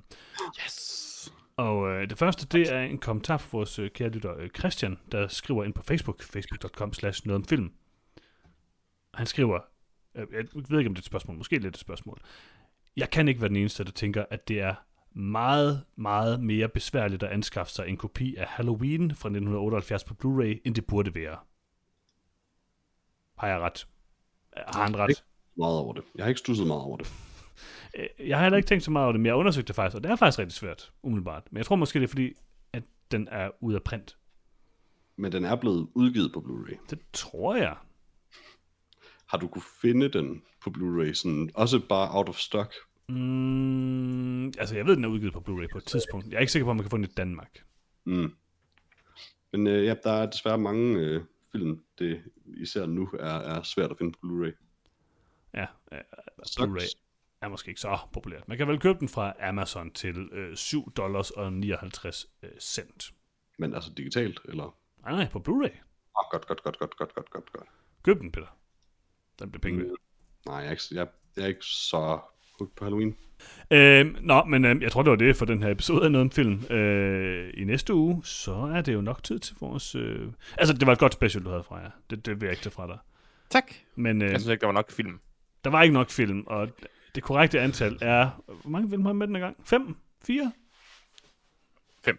Fem. Okay, fem er det korrekte antal. Så i næste episode om film, så bliver det uhyggeligt. Vi er klar til øh, Hoktober, vores store årlige Halloween special, øh, hvor vi øh, anmelder og dykker dybt ned i øh, 90'er horror. Og det bliver rigtig, rigtig uhyggeligt. Det tør jeg godt love. Afros One er lidt uhyggelig, så er det en af dem. Den kunne godt være med, tænker jeg faktisk. Jeg vil bare gerne... Øh, jeg glæder mig til, at Lars han, øh, bliver hjemsøgt af en eller anden øh, Lego-kat igen. Uh, jeg ved ikke, hvor den er henne, efter jeg er flyttet. Så hvis den dukker op igen, Til Halloween. så er det rimelig freaky. Mm. Skal vi øh, annoncere, hvad det er for nogle film? Ja, det tænkte jeg. mulighed for at se dem. Er vi klar til det, eller hvad? Sure. Vi siger, at vi skal se øh, Tremors, Mhm. Vi skal se uh, sci-fi-gyseren The Faculty. Mhm. Vi skal se uh, John Carpenters In the Mouth of Madness. Mhm. Vi skal se uh, gyserfilm med Tim Robbins i hovedrollen, nemlig Jacobs Ladder, der er inspireret af Silent Hill-spillet i ret høj grad. Og hvad er den sidste, der er glemt? Har du ikke lige sagt fem? Altså, var det fem? Listen. Uh, okay, Tremors, In the Mouth of Madness, The Faculty, Jacobs Ladder, det fire.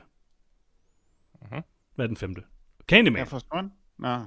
Candyman ja. selvfølgelig. Klassisk 90'er gyser. Så øh, det bliver godt, når vi dykker ned i 90'er horror. Den absolut bedste årgang for horror. Ja. Jeg foreslog Scream, og så fik jeg sådan et tre siders lang uh, manifesto fra Ja, Peter, ja, var- hvor det han fortalte, hvorfor jeg tog fejl. Ja, det var faktisk lidt uhyggeligt, det må jeg sige. Der var besvaret fem beskeder tidligere i kronen. Men jeg vil også sige, at jeg var meget enig med Peter. Ja, men jeg, jeg, jeg, jeg, jeg kom heller ikke med flere holdninger. Jeg tænkte, okay, det, Der er jo Halloween-udsalg på øh, Apple-butikken. En tidligere besked om det ikke øh, var, var forklarende nok. Der er jo Halloween-udsalg på øh, Apple-butikken, så jeg har jo købt øh, utrolig mange 90'er horrorfilm, må jeg nok erkende. Selvfølgelig både I Know What You Did Last Summer og I Still Know What You Did Last Summer. Så specifikt film, du ikke skal se til det special. Præcis, præcis. Men altså, når det, det bliver rigtig godt til vores øh, slasher special, som kommer en gang. ja. Jeg er helt vildt bange for at se gyser. Jeg kan ikke lide gyser. Jeg, jeg hader faktisk gyser. Larsens så rolle. Du skal nødt til at finde dine egne ting. det bliver... Larsen elsker jo gyser nu. Uh, ja, det irriterer mig ikke så meget mere i hvert fald. Det er en god, øh, det er en god kur, Freja. Det er en så dårlig genre. nyd dig. Nå, jeg tror, det var det, vi havde valgt at bringe i den her episode Noget om Film. I næste uge, så er det tid til gys og gro. Så øh, Peter, hvad er det, man siger? Jamen, øh, du kan skrive til os på nogetomfilm.gmail.com, eller du kan skrive til os på vores Facebook-side også, øh, som en kommentar på et opslag på facebook.com slash nogetomfilm. I det hele taget, så kan du finde os primært på nogetomfilm.com eller facebook.com slash nogetomfilm, hvor du kan finde links til podcasts. Jeg tror, det er SoundCloud-links, men podcasten den kan høres på SoundCloud, på iTunes, på Spotify, på Podimo, på Stitcher, sikkert andre steder. Øh, basically, hvis du har en podcast reader på din telefon, eller nogen, nogen som sagt, så går du bare ind og søger på noget om film, og så trykker du subscribe, og så hører du noget om film for evigt. Uh, that's the deal. Um, og øh, selvfølgelig så sætter vi pris på, at øh, I giver det en god karakter, og alt sådan noget, bare er positivt, og skriver søde ting om det, og skriver søde ting til os. Men det aller, aller vigtigste, I kan gøre, kære lyttere, det er at dele podcasten med andre. Ikke, ikke med andre lyttere, det er der ingen vækst i. Fordi hele pointen er, at hvis der er en af jer, kære lyttere, der deler podcasten med en anden, så er der en mere, der hører noget om film. Og er det ikke det, det hele handler om. Så afgjort, Peter. Så øh, tak fordi I lyttede med, og øh, hør med igen næste uge til 90'er horror. Det bliver så godt. Hej hej. Så, hej hej. Hej. Farvel.